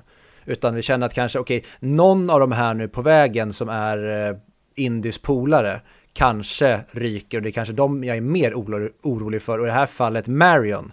Det blir ju att Indy, och det tycker jag också de gör skitbra när han väl offrar inom citationstecken Marion för att alltså den stora planen. Hade han räddat Marion där när hon är bunden då hade det inte funkat för då hade alla nazis helt plötsligt förstått att någonting var off. Men det är liksom, jag blir mer orolig för kanske Sala eller för Marion än vad jag är för att Indy ska överleva för att jag vet att Indy kommer förmodligen inte dö. Då, då, det, det är han vi ska följa genom hela filmen. Utan i så fall blir det hans misslyckande. Mm. Förstår du vad jag menar? Ja, men jag var aldrig rädd för att han skulle misslyckas heller. Det var det. Var det. Alltså inte bara att han skulle dö eller inte, utan om, om han och Marion, eller Marion skulle överleva och om han skulle få arken eller inte. Nu fick han ju inte arken. Men, Nej, han misslyckas ju faktiskt. ja, Ja, och det är det de har etablerat i första scenen. Han misslyckas typ sju gånger första tio minuterna. Exakt, men det känns som att det inte finns några konsekvenser för hans misslyckande. Ja, de bränner ihjäl 50 nazister. Ehm, ja, nej. Ja, det, nej men, det är ja, en men positiv liksom så här- konsekvens nej, men kanske. ja, men ja, precis. Ja, men samtidigt också så här, jag gillar också scenen med bazookan. När, när Ja. de kommer fram och liksom, de ska öppna förbundsarken och han kommer dit, har bazookan och säger bara så jag kommer spränga den här. Och Bella går fram och bara, men det, det kommer du inte alls göra. Du är ju för nyfiken, du kommer inte spränga den här. Mm. Och så står han där och så bara, ah, fuck han har rätt. Och så bara sänker han bazookan. Och det är så här, ja nej, du misslyckas. Du är liksom, du är inte så bra. Alltså det, det går inte så bra för dig. Och jag, menar, jag, jag, jag gillar det. Sen så här, som jag har haft i många olika resonemang med mig själv kring det här, det är ju att det här är en jättebra film, jättespännande film. Och framförallt det, det är inte egentligen det som är själva grejen, utan det är hela hantverket. Det är storyn bakom, det är hur den är gjord. Alltså, alla de där ormarna till exempel. Jag vet att, jag hade ni Lego Studios? Jag vet inte, vil- vilket år är ni födda förresten? 92. 93. Ja men då är ni ju hyfsat samma. Le, kommer ni ihåg Lego Studios? Mm. Jag Då kunde man alltså göra stop motion filmer med såna legogubbar. Det var ju som, som man fick med en kamera och enklare redigeringsprogram, en, en rip-off Pinnacle Studios bara. Så kunde man göra egna filmer liksom när man var, när man var liten. Och då finns det, fick man typ en bok där det stod så här, tips och tricks. Och då var det exemplet i Raiders of Lost Ark är ju när det skulle vara ett, ett rum full med, ett rum, jag kan inte prata, rum fyllt med ormar. Och mer än hälften av ormarna är ju egentligen bara slangar och plastormar och allting sånt där. De har bara fyllt på med ormar så att du i närbilder har ormar och sen så zoomar ut och så är det fake. Och det liksom, det blew my mind när jag var tio och läste det. Ja men det är klart man kan göra så. Och så gick man omkring och hade liksom Spielberg som någon form av så här superhjälte sett till att lösa saker. Det är den klassiska storyn om eh, Alfred Molinas karaktär när han har den här spindeln på ryggen till exempel. Han har ju typ 20 tarant tarantulas, jag vet inte vad det heter på svenska, på eh, ryggen. Och eh, i kameran så bara, ah, men det där ser fake ut. Och Molina bara, äh, det är inte fake, det är 20 riktiga spindlar, ja men de rör sig inte. Och han djurhanteraren säger bara, du, eh, ja men det är för att det är bara hanar, det sitter ju massa hanspindlar, de bryr sig inte. Vi skickar in en hona, skulle säga att det blir drag. Och så lägger de en hona där och så börjar alla bara krypa omkring. Det är därför alla rör sig. Och det är liksom sådana små grejer. Det, det är... Eh, alltså, som har de här tropesen genom alla Indiana Jones-filmer. Det vet du inte om när du ser den här första gången visserligen. Men just med den här att här har vi ormar, jättemycket ormar. I andra filmen så är det jättemycket insekter. Och i tredje filmen, alltså de har ju liksom de här återkommande grejerna. Han blir instängd på olika sätt. Eh, eh råttor är i tredje, i Last Crusade. Alltså du, du, har de här sakerna hela tiden som, som återkommer för att de blir ikoniska genom bara en film. Och det, det, finns någonting väldigt fräckt i hela den, hela den grejen. Och sen har du ju återigen, allting är praktiskt, allting är så inåt helvete välkoreograferat. Hela mm. den grejen med jakten, alltså när han kommer med eh, hästen och kommer ikapp på, på lastbilen där och sen hela när, när han slåss med bilarna och han glider in under och hänger efter. Alltså allting är det ser ut som det är taget ur en 30-tals actionserie och allting, det syns att det är på riktigt, det är stuntkoreografer, det är liksom Ja, det, är, det är coolt. Och sen så ska man också säga, det är klart att på 80-talet kanske inte var så lika enkelt att bara datanimera allting för att det fanns inte datorer. Men eh, men om man ser det idag så kan man verkligen uppskatta hur mycket praktiskt det är gjort och in, in camera. Det är inte så mycket liksom, de hade fortfarande kunnat göra med matte paintings och du vet allt det där som de gjorde mycket i Star Wars. Men det gör de ju inte. Ja, de gör lite såklart, men, men det är det är också medvetet jag tror, jag, jag skulle tippa på att det är medvetet dåligt, är det meningen att det ska vara medvetet dåligt? Alltså vissa scener är ju liksom så här, ja det, det syns att det kanske inte är 100% prestation från alla inblandade, men det är liksom meningen för att det ska vara den typen av action. Alltså Ja, den är lättsam hela tiden. Ja, exakt. Och den har ju också en sån scen som liksom när de, står, när de är på skeppet och vänder på spegeln och han får spegeln i ansiktet. Om ni kommer ihåg den. Mm. När Marion står och speglar sig så fäller hon upp den så här, och så får han den i ansiktet. Man zoomar ut från båten och får ett skrik, alltså klassisk humor. Och sen så, så kommer man in i rummet igen och hon säger Sorry you were saying. Man bara, nej, nej, du, du, du hörde att han skrek, om vi hörde från liksom en sjömils avstånd att han skrek. Alltså, och du märker att du får en spegel i ansiktet. Men det är inte det som är meningen, utan det är liksom, det är lite lighthearted 30s. Ja, ja det... Ja, jag gillar, jag inser mer och mer att jag gillar alltså. Ja, ja, alltså det finns ju jätte, jättemycket bra saker med filmen. Eh, men alltså, allt som ni säger, jag blir ju lite av den här som, som eh, jag blir en onda av oss tre nu som pratar ner film hela tiden. Men jag tänker att ni måste få lite motkraft också, som vi, som vi inte bara kan hylla den. Och jag tycker just att det är bristen på konsekvenser som gör att man tappar lite spänningen i, i alla jakter. Att det finns ingenting dåligt som händer när han misslyckas hela tiden. Det är bara att, ja men upp på hästen igen, åh nej vi får ner här, blir inlåsta, men vi tar sönder väggen så kan vi fly där. Åh nej, eh, ja men då fick jag ändå arken, ja men vi blundar så överlever vi ändå, alla de dör.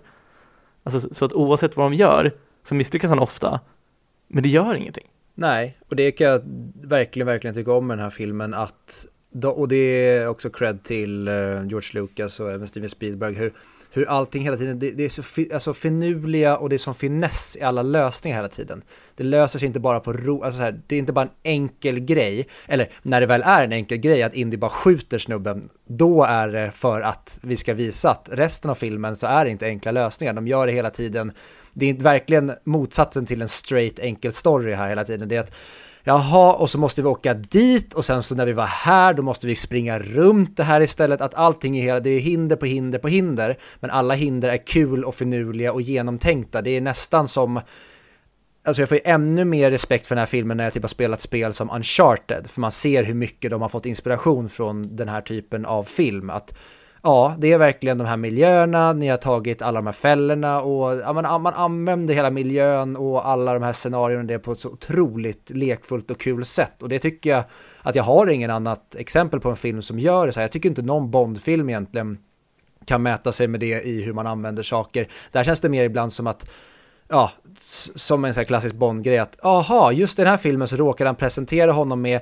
den här, den här, den här, den här manicken och just alla råkade användas i den här filmen. Det blir nästan som att vi berättar i början att allt det här kommer användas medan Indiana Jones känns det tvärtom. Han hittar lösningar på plats eller han, han bara tänker i stunden och så blir det en lösning så blir det kul. Ja, nej men det är på, eh, eller vad är det en Mercedes han har som kan skicka upp en liten såg som är exakt i rätt höjd för den här stålvajern som är i parkeringshuset i Tomorrow Never Dies. Ja, nej det, det är, eh, nej men exakt. Återigen, jag tycker inte ens att det här är den bästa Indiana Jones-filmen. Alltså det finns, det finns ju ett, ett, ett helt annat djup och ett personligt plan i Last Crusade. Det här är liksom, han är ute, man får träffa den här karaktären, han är ute och gör sina äventyr och sen så är vi på det här äventyret men imorgon, vi vet ju att efter sista scenen, efter att de här toppmän har tagit hand om arken, då kommer han gå till sina studenter igen och fortsätta att lära ut grejer. Det här var ju bara en grej. Alltså han har ju sin jacka och sin Fedora-hatt som hänger där inne, ligger där inne på hyllan hemma i hans lägenhet, eller i hans hus. Och eh, nästa gång någon kommer och ger honom ett uppdrag, ja men då kommer han ta fram den och ta på sig den där och gå ut och göra det här igen. Det är ju liksom, mm. det är ju ingenting mer emotional impact än just det egentligen.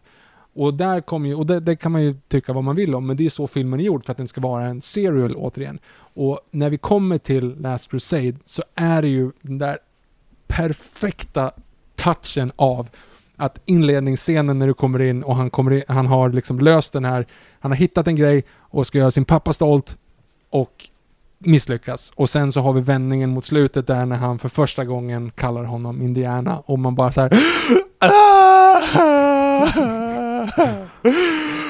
Det är inte riktigt så nu, utan nu är det så ah, okej, okay, det gick bra. Alltså, så att det är ju inte en emotional punchline, men det är inte meningen, för det ska vara en, ett, det ska vara som att åka en, en eh, berg och dalbana. Det är kul i 90 sekunder och sen får man ställa sig i kön igen och vänta på nästa. Ja, verkligen. Jag, jag, jag köper det du säger Fredrik. Och jag tror att jag försvarar den här filmen kanske lite mer än vad jag borde just därför att jag blir så otroligt förälskad i filmskapande och den här, det här är ju en sån film som fick mig att bli förälskad i film från början när jag var liten. Typ, ja men även Star Wars. Att, som vi pratade om, alla de här lösningarna med ormarna. Jag sitter där nu när jag kollar på det det är riktiga ormar i scenen. De är inte CGI-ade eller det är inte en jättetydlig eh, duk bakom som de sen har projicerat någonting på utan det känns som att ormarna kan bita honom på riktigt. Allting känns, alltså man kan ta på kulisserna, det är roliga förnuliga grejer som det här med när han faller ner under bilen och det och släpas efter att egentligen så funkar ju inte det. Han, han sliter ju så, han borde ju bara skrika och ramla och allt, allt hud slits av från kroppen när han släpas i grus bakom en bil i hög hastighet. Men det är inte den filmen vi är med i. Vi är ett äventyr där det här funkar, att han glider efter bilen och de gör det så jäkla snyggt hela tiden. Det är verkligen, alltså vill du visa, få din unge att bli förälskad i film, ja, men då visar du honom typ den här filmen.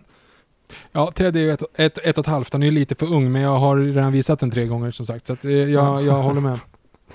Ja, men ge det ett halvår till då. Alltså, ja, typ allt är ju 10 av 10 i den här filmen, förutom kanske, alltså handlingen skulle jag inte säga 10 av 10, långt ifrån. Och eh, koreografin i fighting-scenerna är inte heller 10 av 10. Det är också ganska långt ifrån. Skojar du? Den är ju, det är hundraprocentigt. Vil, vilka fighting-scener är inte? Men, okay, man, man alla... ser att de står och väntar på tajmingen istället för att slå ibland. Jo, men det är, det är ju Three Stooges. Alltså om du kollar de här Tunisien-scenerna. Alltså de är ju mm. perfekt lagom 80-talsrasistiska också. Alltså alla invånare i stan, de ser ju på när folk slåss, tigger om pengar eller försöker sälja saker till dem. eh, sen så har du de här henchmännen då, och de alla är ju så att de sticker varann och de ramlar och de snubblar och det är så här, men allting är så snyggt koreograferat för att det ska vara på det sättet. Alltså, du vet när han så sticker svärdet och han flyttar på sig så råkar han sticka sin polare. Alltså allt det där är ju så här, ja det är uppenbart att det inte är på riktigt, men det är skitsamma för det är det som är meningen. Alltså det, det syns att det är koreograferat, det, det, men, det syns att det ska vara meningen att det ska vara sådär, om man säger så då.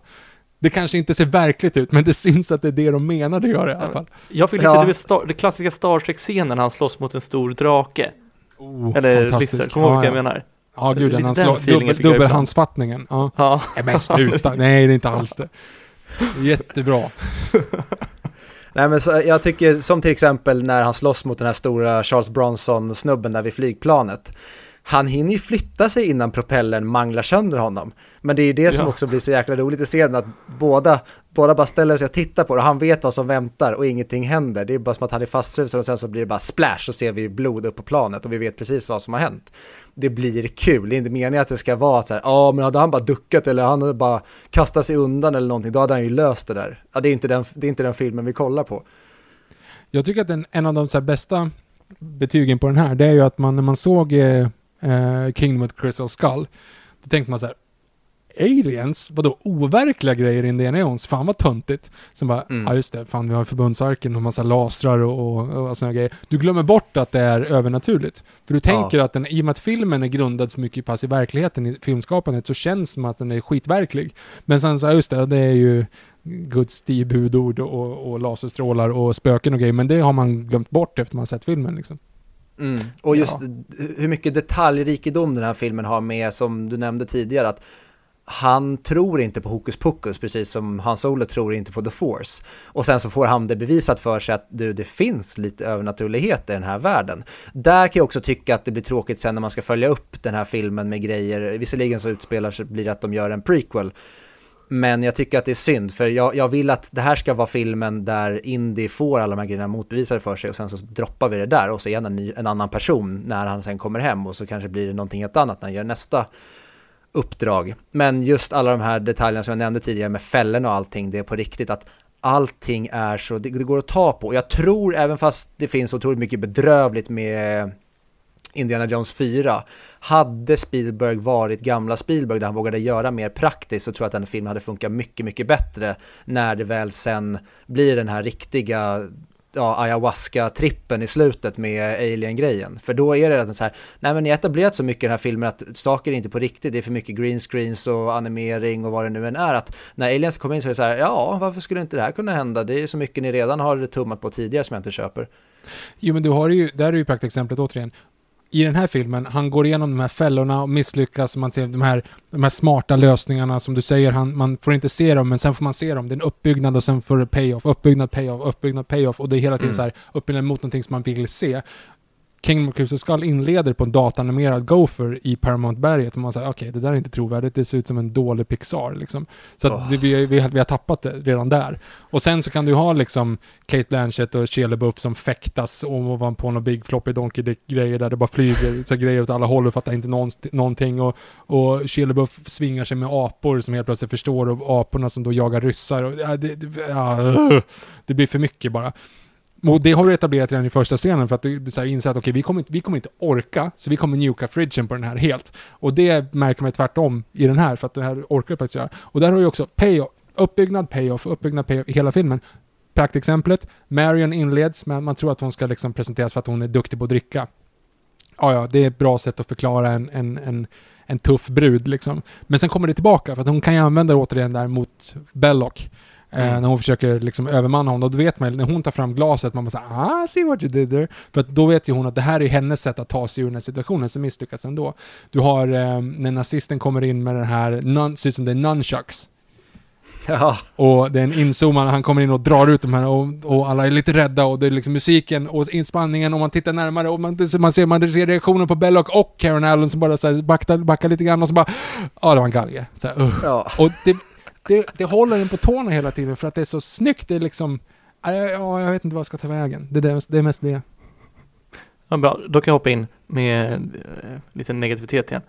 Jag vet inte om, om det är för, för vi är bortskämda med Hans Landa nu, eftersom vi har pratat om eh, Christopher Waltz nyligen. Men eh, alltså, den nazisten är ju inte bra. Gillar ni honom? We're not thirsty. Ehm, jo men vadå, han är ju han är väl en standardnazist. Alltså, det är taskigt att jämföra med Christopher Waltz, för han är typ så här, återigen den bästa skurken du kan tänka dig, just för att han gör den här det han gör med Hans Landa är ju någonting helt unikt typ, och det var ingen som gjort tidigare. Så att det är lite Nej. taskigt att jämföra en film som 20 år tidigare, så den var inte lika bra som typ den bästa prestationen som någonsin gjorts. Så ja, nej, det, den är väl okej då. Ja, men den känns lite för ärkestereotypisk. Men det- det är det, det det ska återigen, det är det som är meningen kommer ni svara då, för det är så här, all, Ja. allt, på all kritik så är det svaret. Eh, men, eh, ja. Men det är Men det, en- alltså, yes, om, man, ska vara så här ursäktande mot eller, film, det är att så länge det är med flit så kommer det ju undan med så jäkla mycket. Det är när filmer utger sig för att vara någonting och sen så är det någonting helt annat, när den inte är medveten själv om vad den är. Det är då det faller pladask.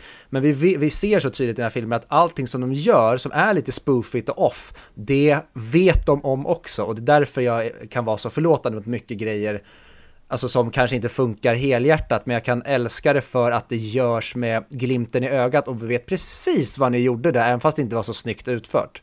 Verkligen. Och där har du ju också en, en av mina favorit-trivias i... Fan, de har så jävla mycket trivias på behind the scenes på de här. Men en av de så här, ljuddesignen till exempel, fick ju, när han skulle hitta på hur man skulle göra de här ljuden, så enligt Fabian i alla fall, så, stä- så hans enda fråga var så här, mm, okej, kommer, för han ville ju veta liksom, vilken värld rör vi oss? Är vi liksom, är det hardcore 30-tal eller är det liksom en upphöjd verklighet? Okej, okay, här, religionen finns, alltså Gud finns uppenbarligen, och det finns upp, massa sådana saker. Men, så här, men hans fråga var, tappar Indiana Jones någonsin sin hatt? Och svaret var nej, det gör han inte. Okej, okay, Okej, ja men då vet jag. Då, då, ehm, då vet jag hur jag ska göra ljudet. Så till exempel, Indiana Jones pistol är ju en kanon, liksom. Pistolen låter ju inte sådär. Alltså de har ju lagt in de grejerna för att hela tiden hålla den, den ljudet och, och piskan är så ah, ja, han, han viftar lite grann men upp i luften och ändå blir det bara Alltså, du överdriver ljuden hela tiden för att återigen, vi är en 30-tals serial, det är det som är meningen. Um, är det fantastiskt? Mm. Ja, men eh, sen så måste vi lägga till att det, det här skulle nog jag säga är i topp tre bästa alltså score-melodierna till en film någonsin. Ja men Mhm. vilken, okej ja Star Wars, vilken annan tänker du är bättre? Alltså Pirates of Caribbean. Okej. Alltså, ja, säg vad man vill om filmerna, men den, alltså, den melodin är ju 10 av 10. Ja, det, det är fan sant. Oh, ja, okej, ja, Sagan om ringen är också fan jävligt fet. Ja, just det, Sagan om Ja, du har, ja. okej, topp fyra i alla fall. Topp fyra. ja, Ja. nej, det är bra.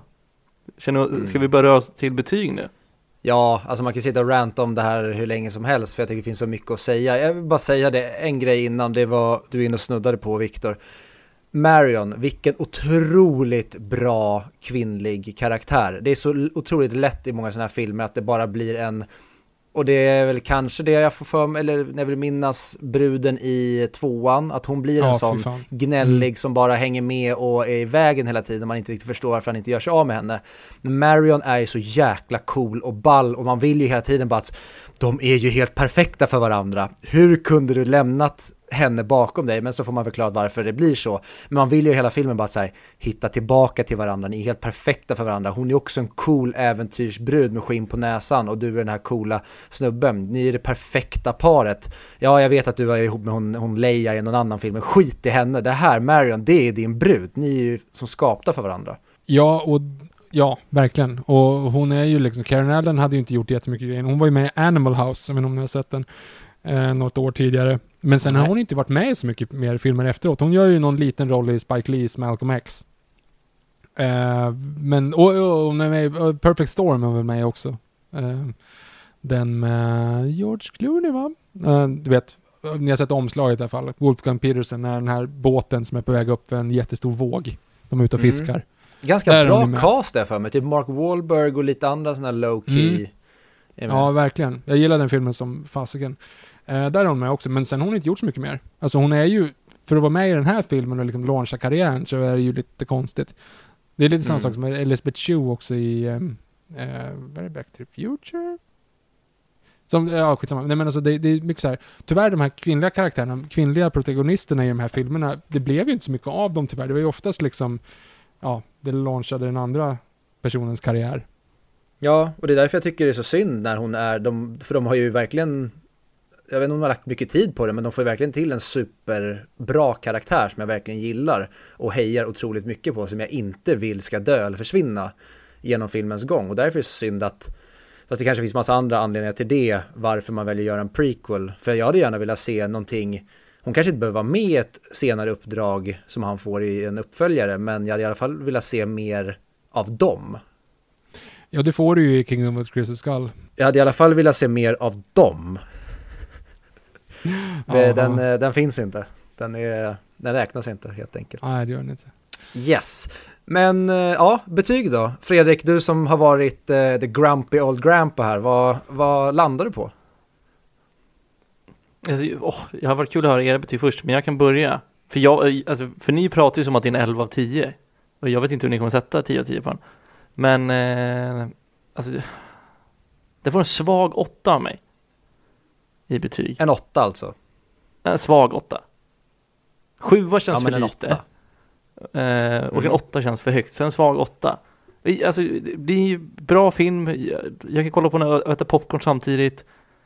Men den, når inte hela vägen. Jag tycker inte att den håller idag på samma sätt, tyvärr, som den gjorde förut. Och att just det här, den blir för lättsam och tappar spänningen och har för mycket brister på konsekvenser tycker jag genom filmen egentligen. Alltså det som ni sitter och hyglar och så tycker att, att de gör så snyggt. Sorry, får, får jag bara sticka emellan, får jag bara ställa en lite fråga där? Eh, Okej, skulle du vilja, så jag vet inte om ni kanske kommer göra något specialavsnitt där ni inte har pratat om det, men så här, har du, skulle du kunna bara berätta om några tior som du har? eh, de som har satt än så länge tror jag är Eternal Sunshine of the Spotless Mind, Inglourious Bastards och så var det en till, vilken var det Viktor? Var det Shutter Island? Gav en 10 av 10 eller gav en 9 av 10? Ja, den är ju satt, men det var en annan som du sa som inte... Jo, The Shining satte du också 10 av 10 på. Ja, just det. Mm. Okej, ja, nej, bara för att få liksom referenser. För det är också så här, jag är jättesnål med mina tior. Jag har typ så här, ja, jag, vi har ett sånt här letterbox liksom, där man kan kolla. Och jag, jag är ganska snål med mina tior. Men grejen är så här, jag har börjat inse själv att jag är lite grumpy old grandpa på den just av anledningen till att filmer ska ju vara det de utger sig för att vara. Alltså jag menar, en, jag fattar, Eternal Sunshine of Spotless Mind är fantastisk för det är vad den är. Uh, och den har djup, du, du, du liksom, det är mind-boggling, du är helt liksom, du är helt så här överkörd av, när du efter att ha sett den. Men den här är ju inte meningen att du ska vara det. Meningen, den här filmen är gjord för att du ska kunna gå in och sätta dig och kolla den på bio. Jag har sett den på bio för övrigt, för den gick ju på Eh, Cinemateket gjorde ju om dem, eller det var SF var det nog förresten, som, som visade dem en gång till, eller Filmstaden som heter nu. De visade dem här nu för något år sedan, så jag så- såg dem på bio, och det är ju så här, det är en jävla bioupplevelse. Du ska ju sitta där, precis som du säger, du ska sitta med popcorn, du ska ha en stor läsk, och du ska bara njuta av den här liksom, ja men berg dalbanan i två timmar, och sen så är det inte så mycket mer. Tills nästa gång du sätter dig och, och njuter av den. Så att en film som inte påverkar dig på det här hundraprocentiga sättet är okej att vara en tia också för mig. Med det sagt ska jag också bara säga att jag tror att det här också är typ en åtta eller kanske en nia för mig. alltså, för att jag, jag, av samma anledning så kan jag inte heller sätta den där för att i mitt huvud så, så måste det vara, har ni sett Mr Nobody till exempel? Mm. Nej. Jag grät ju som ett barn i tre dagar, alltså efter den. Ehm, jag tycker att den var helt, för det var så här, jag har aldrig tänkt på det här förut, jag ska lägga till att jag var 18 och precis flyttat hemifrån när jag såg den första gången. Men det var så här, jag, det, det, jag vet inte var jag ska ta vägen längre, jag kommer vara en ny person efter det här. Jag skulle säga att egentligen tyvärr samma sak hände när jag såg The Notebook första gången. Inte för att den var så bra, men för att sista scenen gjorde att jag grät och jag var typ förstörd i flera veckor. Så jag såg den här direkt efter Notebook, vilket gjorde då att det kanske var därför jag gjorde det. Vilket också gjorde att jag grät till eh, Babe, en gris kommer till stan. Nej, förlåt, den första, alltså första Babe, den talande lilla grisen. Eh, som jag också sett hur många gånger som helst. Men så här, bonden tänker skjuta honom. Och det börjar jag gråta av. Vilket jag visste att han kommer inte skjuta grisen. Eh, sen att grisen slaktades på riktigt efteråt, men det, det förtäljer inte historien. Men alltså vissa saker st- stannar kvar med en så pass länge så att det, blir, det kan inte bli annat än tio år. Men jag tycker att det är okej att det inte ska göra det. Den är här för att vara det den är och därför, du kan inte göra den bättre än vad den egentligen är. Men med det sagt får den ändå en nia av mig. Tack. Viktor? Eh, och jag eh, fyller på där. Den, är, den får också en 9 av 10 av mig och det är just därför att det, jag är lite där i ditt läger ändå Fredrik med att det här är inte egentligen min typ av genre. Filmer som görs på det här sättet idag brukar inte fånga mig. Alltså när det kommer en, typ när de ska göra en Uncharted-film nu, det finns noll i mig som, som får mig taggad på att se den, även fast jag tycker mycket om Tom Holland som ska spela huvudrollen. Men den här typen av film är inte den typen av film jag väljer att kolla på. Det finns otroligt många andra genrer som egentligen är min typ av film som kan upp till 10 av 10 som träffar mig emotionellt och jag förstår hantverket och ja, alla boxar som jag egentligen behöver ha för att det ska klicka i allting. Men det är just att det finns den här, Alltså, han är ju ikonisk av en anledning, Indiana Jones. Det är för att du har musiken, du har Harrison Ford, du har lekfullheten, du har hantverket. Och den blev ju vad den blev just på grund av att du hade George Lucas när George Lucas gör det han ska. Du har Steven Spielberg när han gör det han ska. De har castat perfekt och det bara klickar helt rätt. Och det är det sånt här behöver göra. Men som du säger, det finns jättemycket brister. Det finns grejer som kanske inte funkar för alla. Har man inte den här genren, så favoritgenren, kanske man blir uttråkad. Men ändå så är det verkligen så här, det går inte att göra en sån här typ av film bättre än det här. Men så är det ändå en poäng som fattas där av min men det kanske är min preferens, min genrepreferens då som saknas som gör att den inte når upp till en 10 av 10. Men för mig går det inte att göra en sån här film bättre än så här. Nej, alltså att, det, är, det är typ det som jag försökte komma in på någonstans i mitten av det tror jag. Eller ja, eller så tänkte jag bara att, att det, en sån här film kan inte bli så mycket bättre. Så den, Steven Spielberg gör ju den så bra som man kan göra den. För ta till exempel en annan film som jag tyckte om när jag var liten var, har ni sett The Librarian? Ja, jag har sett den när den typ rullade på tvn. Ja, men det känns ju som en alltså B-variant av Indiana Jones. Alltså, jag skulle säga jag... C-variant och du har, eh, vad heter den, National Treasure, det är B-varianten. Eh, jag, ja, okej, okay, kanske utåtsmässigt, men jag tycker The Librarian är typ bättre än National Treasures. Okej, okay, vad var jag, 12 när jag såg det? det, det kan vara helt annorlunda idag såklart. Jag, jag har sett den jag, jag, jag, kollade på den med ett öga och jag garvade åt den hur bedrövlig den var. Det, det här är max två år sedan den rullade på tvn. Så The Librarian skulle jag gärna vilja att du ser om och skulle vilja höra din åsikt om den idag. Men den, gör, den är ju som en flit, Viktor. Den gör ju det den ska vara. Nej, jag En rip-off man det, var, det var det jag inte tyckte att den var. Alltså just det att den, den, den trodde att den var en skön indie, alltså Indiana Jones eh, grej, men det kändes som att den bara, den, den, var bara dålig där den inte skulle vara dålig. Men ja, skitsamma. Ja, men det är Sonja Valger, eller vad hon heter, hon är, hon är rolig. Mm. Hon är för mig bra. Skitsamma. Vilken är nästa veckans film, Viktor? Nästa vecka, eh, då blir det en sån här medelmått eh, ja, jag vet inte, vi kanske ska hoppa över den. Det är någon så här, han heter typ Christer Nålansson eller något sånt där och den råkar, eh, den heter Memento. Har ni sett den? Oh, den är, jag fattar ingenting, den känns bara dålig. Ja, det, det jättekonstig film. Varför gör, håller man på att göra en film på det sättet? Varför ska man göra saker, eh, så här, du kan ju inte göra en film där någon glömmer saker. Det blir bara komplicerat. Ja. Nej, Bättre det är Chris Nolans, eh, vad ska man säga, det är ju hans break. Det var ju det som egentligen fick honom på den här uh, trajectoryn som han är på idag. Uh, och det är, visst är den första Nolan-filmen va? Nej, Following är innan. Eller jaha, förlåt. Ja, Eller... nu får gästen vara tyst. Nej men visst är det den första som är på topp 100-listan? Det är första på listan. Nej, nej, nej, nej, nej, nej, nej, nej, nej, nej, no, no, no. Vi har ju pratat Förutom om... Förutom The Dark Knight? Nej? Dark Knight Rises har vi ju pratat om. Nej, exakt. Vet Ja, så det är den andra Nolan-filmen på listan. Men, eh, ja, om vi då ska ignorera The Dark Knight Rises som en Nolan-film så tar vi istället Memento som den första. Nej, skojar bara. Sitter och pladdrar nu, nu är jag trött i huvudet känner jag. Men för vi kan säga till Engberg också att, äh, att om, om ni får massa hatmejl och sånt så kan ni, så vi får tillåtelse av filmmixen att vidarebefordra allt hatmejl till film, filmmixen.gmail.com. Eh, bara tips ja, till er. Ja, vad bra. Eh, Hatkorg eller likadant. Men vi har ju redan, vi har ju redan en, en mailadress som vi brukar hänvisa till faktiskt. Ja, jan.jo.expressen.se om det är någon som tycker att det är för jobbigt. Liksom. Eller vi säger något fel eller något sånt så får de jättegärna skicka dit. Ja, ja. det är kul. Jo, eh, och jag ska säga det. Eh, Memento, den går att eh, hyra på Blockbuster, Google Play, iTunes, Rakuten TV och SF Anytime. Sen så tydligen finns det någon tjänst som heter Kom Hem Play Plus. Jag tydligen har ett konto där så ska Memento finnas där. Aldrig hört talas om den tidigare. Spännande. Yes. Det får väl bli som vanligt att kolla på SF Anytime, för det sa du också. Ja. Och innan ja. vi glömmer det, vi sa ju inte det. Skulle ni sätta in den här filmen, alltså i Raiders of the Lost Ark på en eh, topp 100-lista över de 100 bästa filmerna som har gjorts? Ja. Ja, nej. Den topp 250 då, Fredrik? Mm. Ja, okej okay då. Bara för att Engberg ser så ledsen ut annars. Jag skulle vilja att du någon gång kommer med en film som är lik den här filmen, men som du kanske tycker att det gör bättre, alltså som gör det här bättre.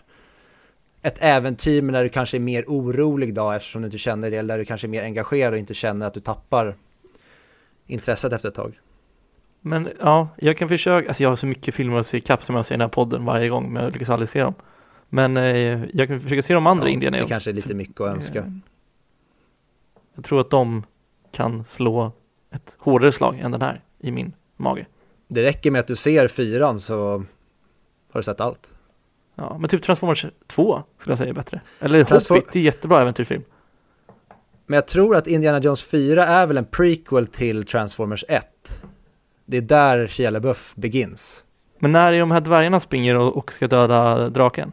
Jag kommer inte ihåg, men det är någon uppföljare till eh, brittiska The Office. Jag, ja, allting är Ja. så rörigt just nu. Det, Yes. det är så jobbigt när alla de här eh, prequels är bättre än originalet, typ som Hobbit och Star Wars. Oj, jag försöker bara jaga igång, när väcka Viktor här innan vi ska säga hej då. Nej men det, det, skulle, det, det sa vi till Fabian också när han var med och gästade här, att du och jag har ju exakt samma känslor för Hobbit och det älskar jag i Noipod när du går igång och rantar om vad Peter Jackson och alla höll på med när de skulle göra Hobbit. Ja, nej, jag är inte jätteförtjust i den, måste jag säga. Yes, men eh, supertack för att du var med. Det här var ju svinkul. Tiden bara sprang iväg. Ja, nej, men tack för att jag fick komma. Det är ju eh, intressant att prata film sådär. Jag får ju oftast, oftast sitter jag bara och lyssnar i Nörden jag liksom för att eh, det är Fabian som kan saker, så att det är kul att vara med. Ja, Du pratar ju om Snoddas ibland faktiskt. Ja, han, han brukar vara med. Jag beställde faktiskt hem, jag fick hans eh, andra bok idag faktiskt. Eller boken om honom, han har inte skrivit en egen bok. Mhm. All right. Ja, Yes. Men eh, ja, återigen, tack. Och eh, som vanligt, följ oss på våra sociala medier. 100 mick podcast på Instagram, Twitter, Facebook. Eller mejla oss på 100mickpodcast.gmail.com. Ja, precis. Det Och eh, tack. Moviesin också, får vi se. Igen. Ja, men hur ska du ha det? Nu lyckades vi säga movies in i början av avsnittet. Då kan vi inte säga det i slutet av avsnittet. Det är början och, slu- och slutet. Okej, Så bara så blir det som en macka. Vi mackar in oss själva mellan Moviesins famnar. Eller i Låt Moviesins gå. famn. för den här gången. Men jag vill inte ha det här, be- att det här beteendet blir en vana. Men jag är lite av en rebell. Mm. Yes. Ja, Ja, ja, men vi eh, hörs nästa vecka när det är dags för Christopher Nolans Memento då. det gör vi. Hej! Hej! Hej!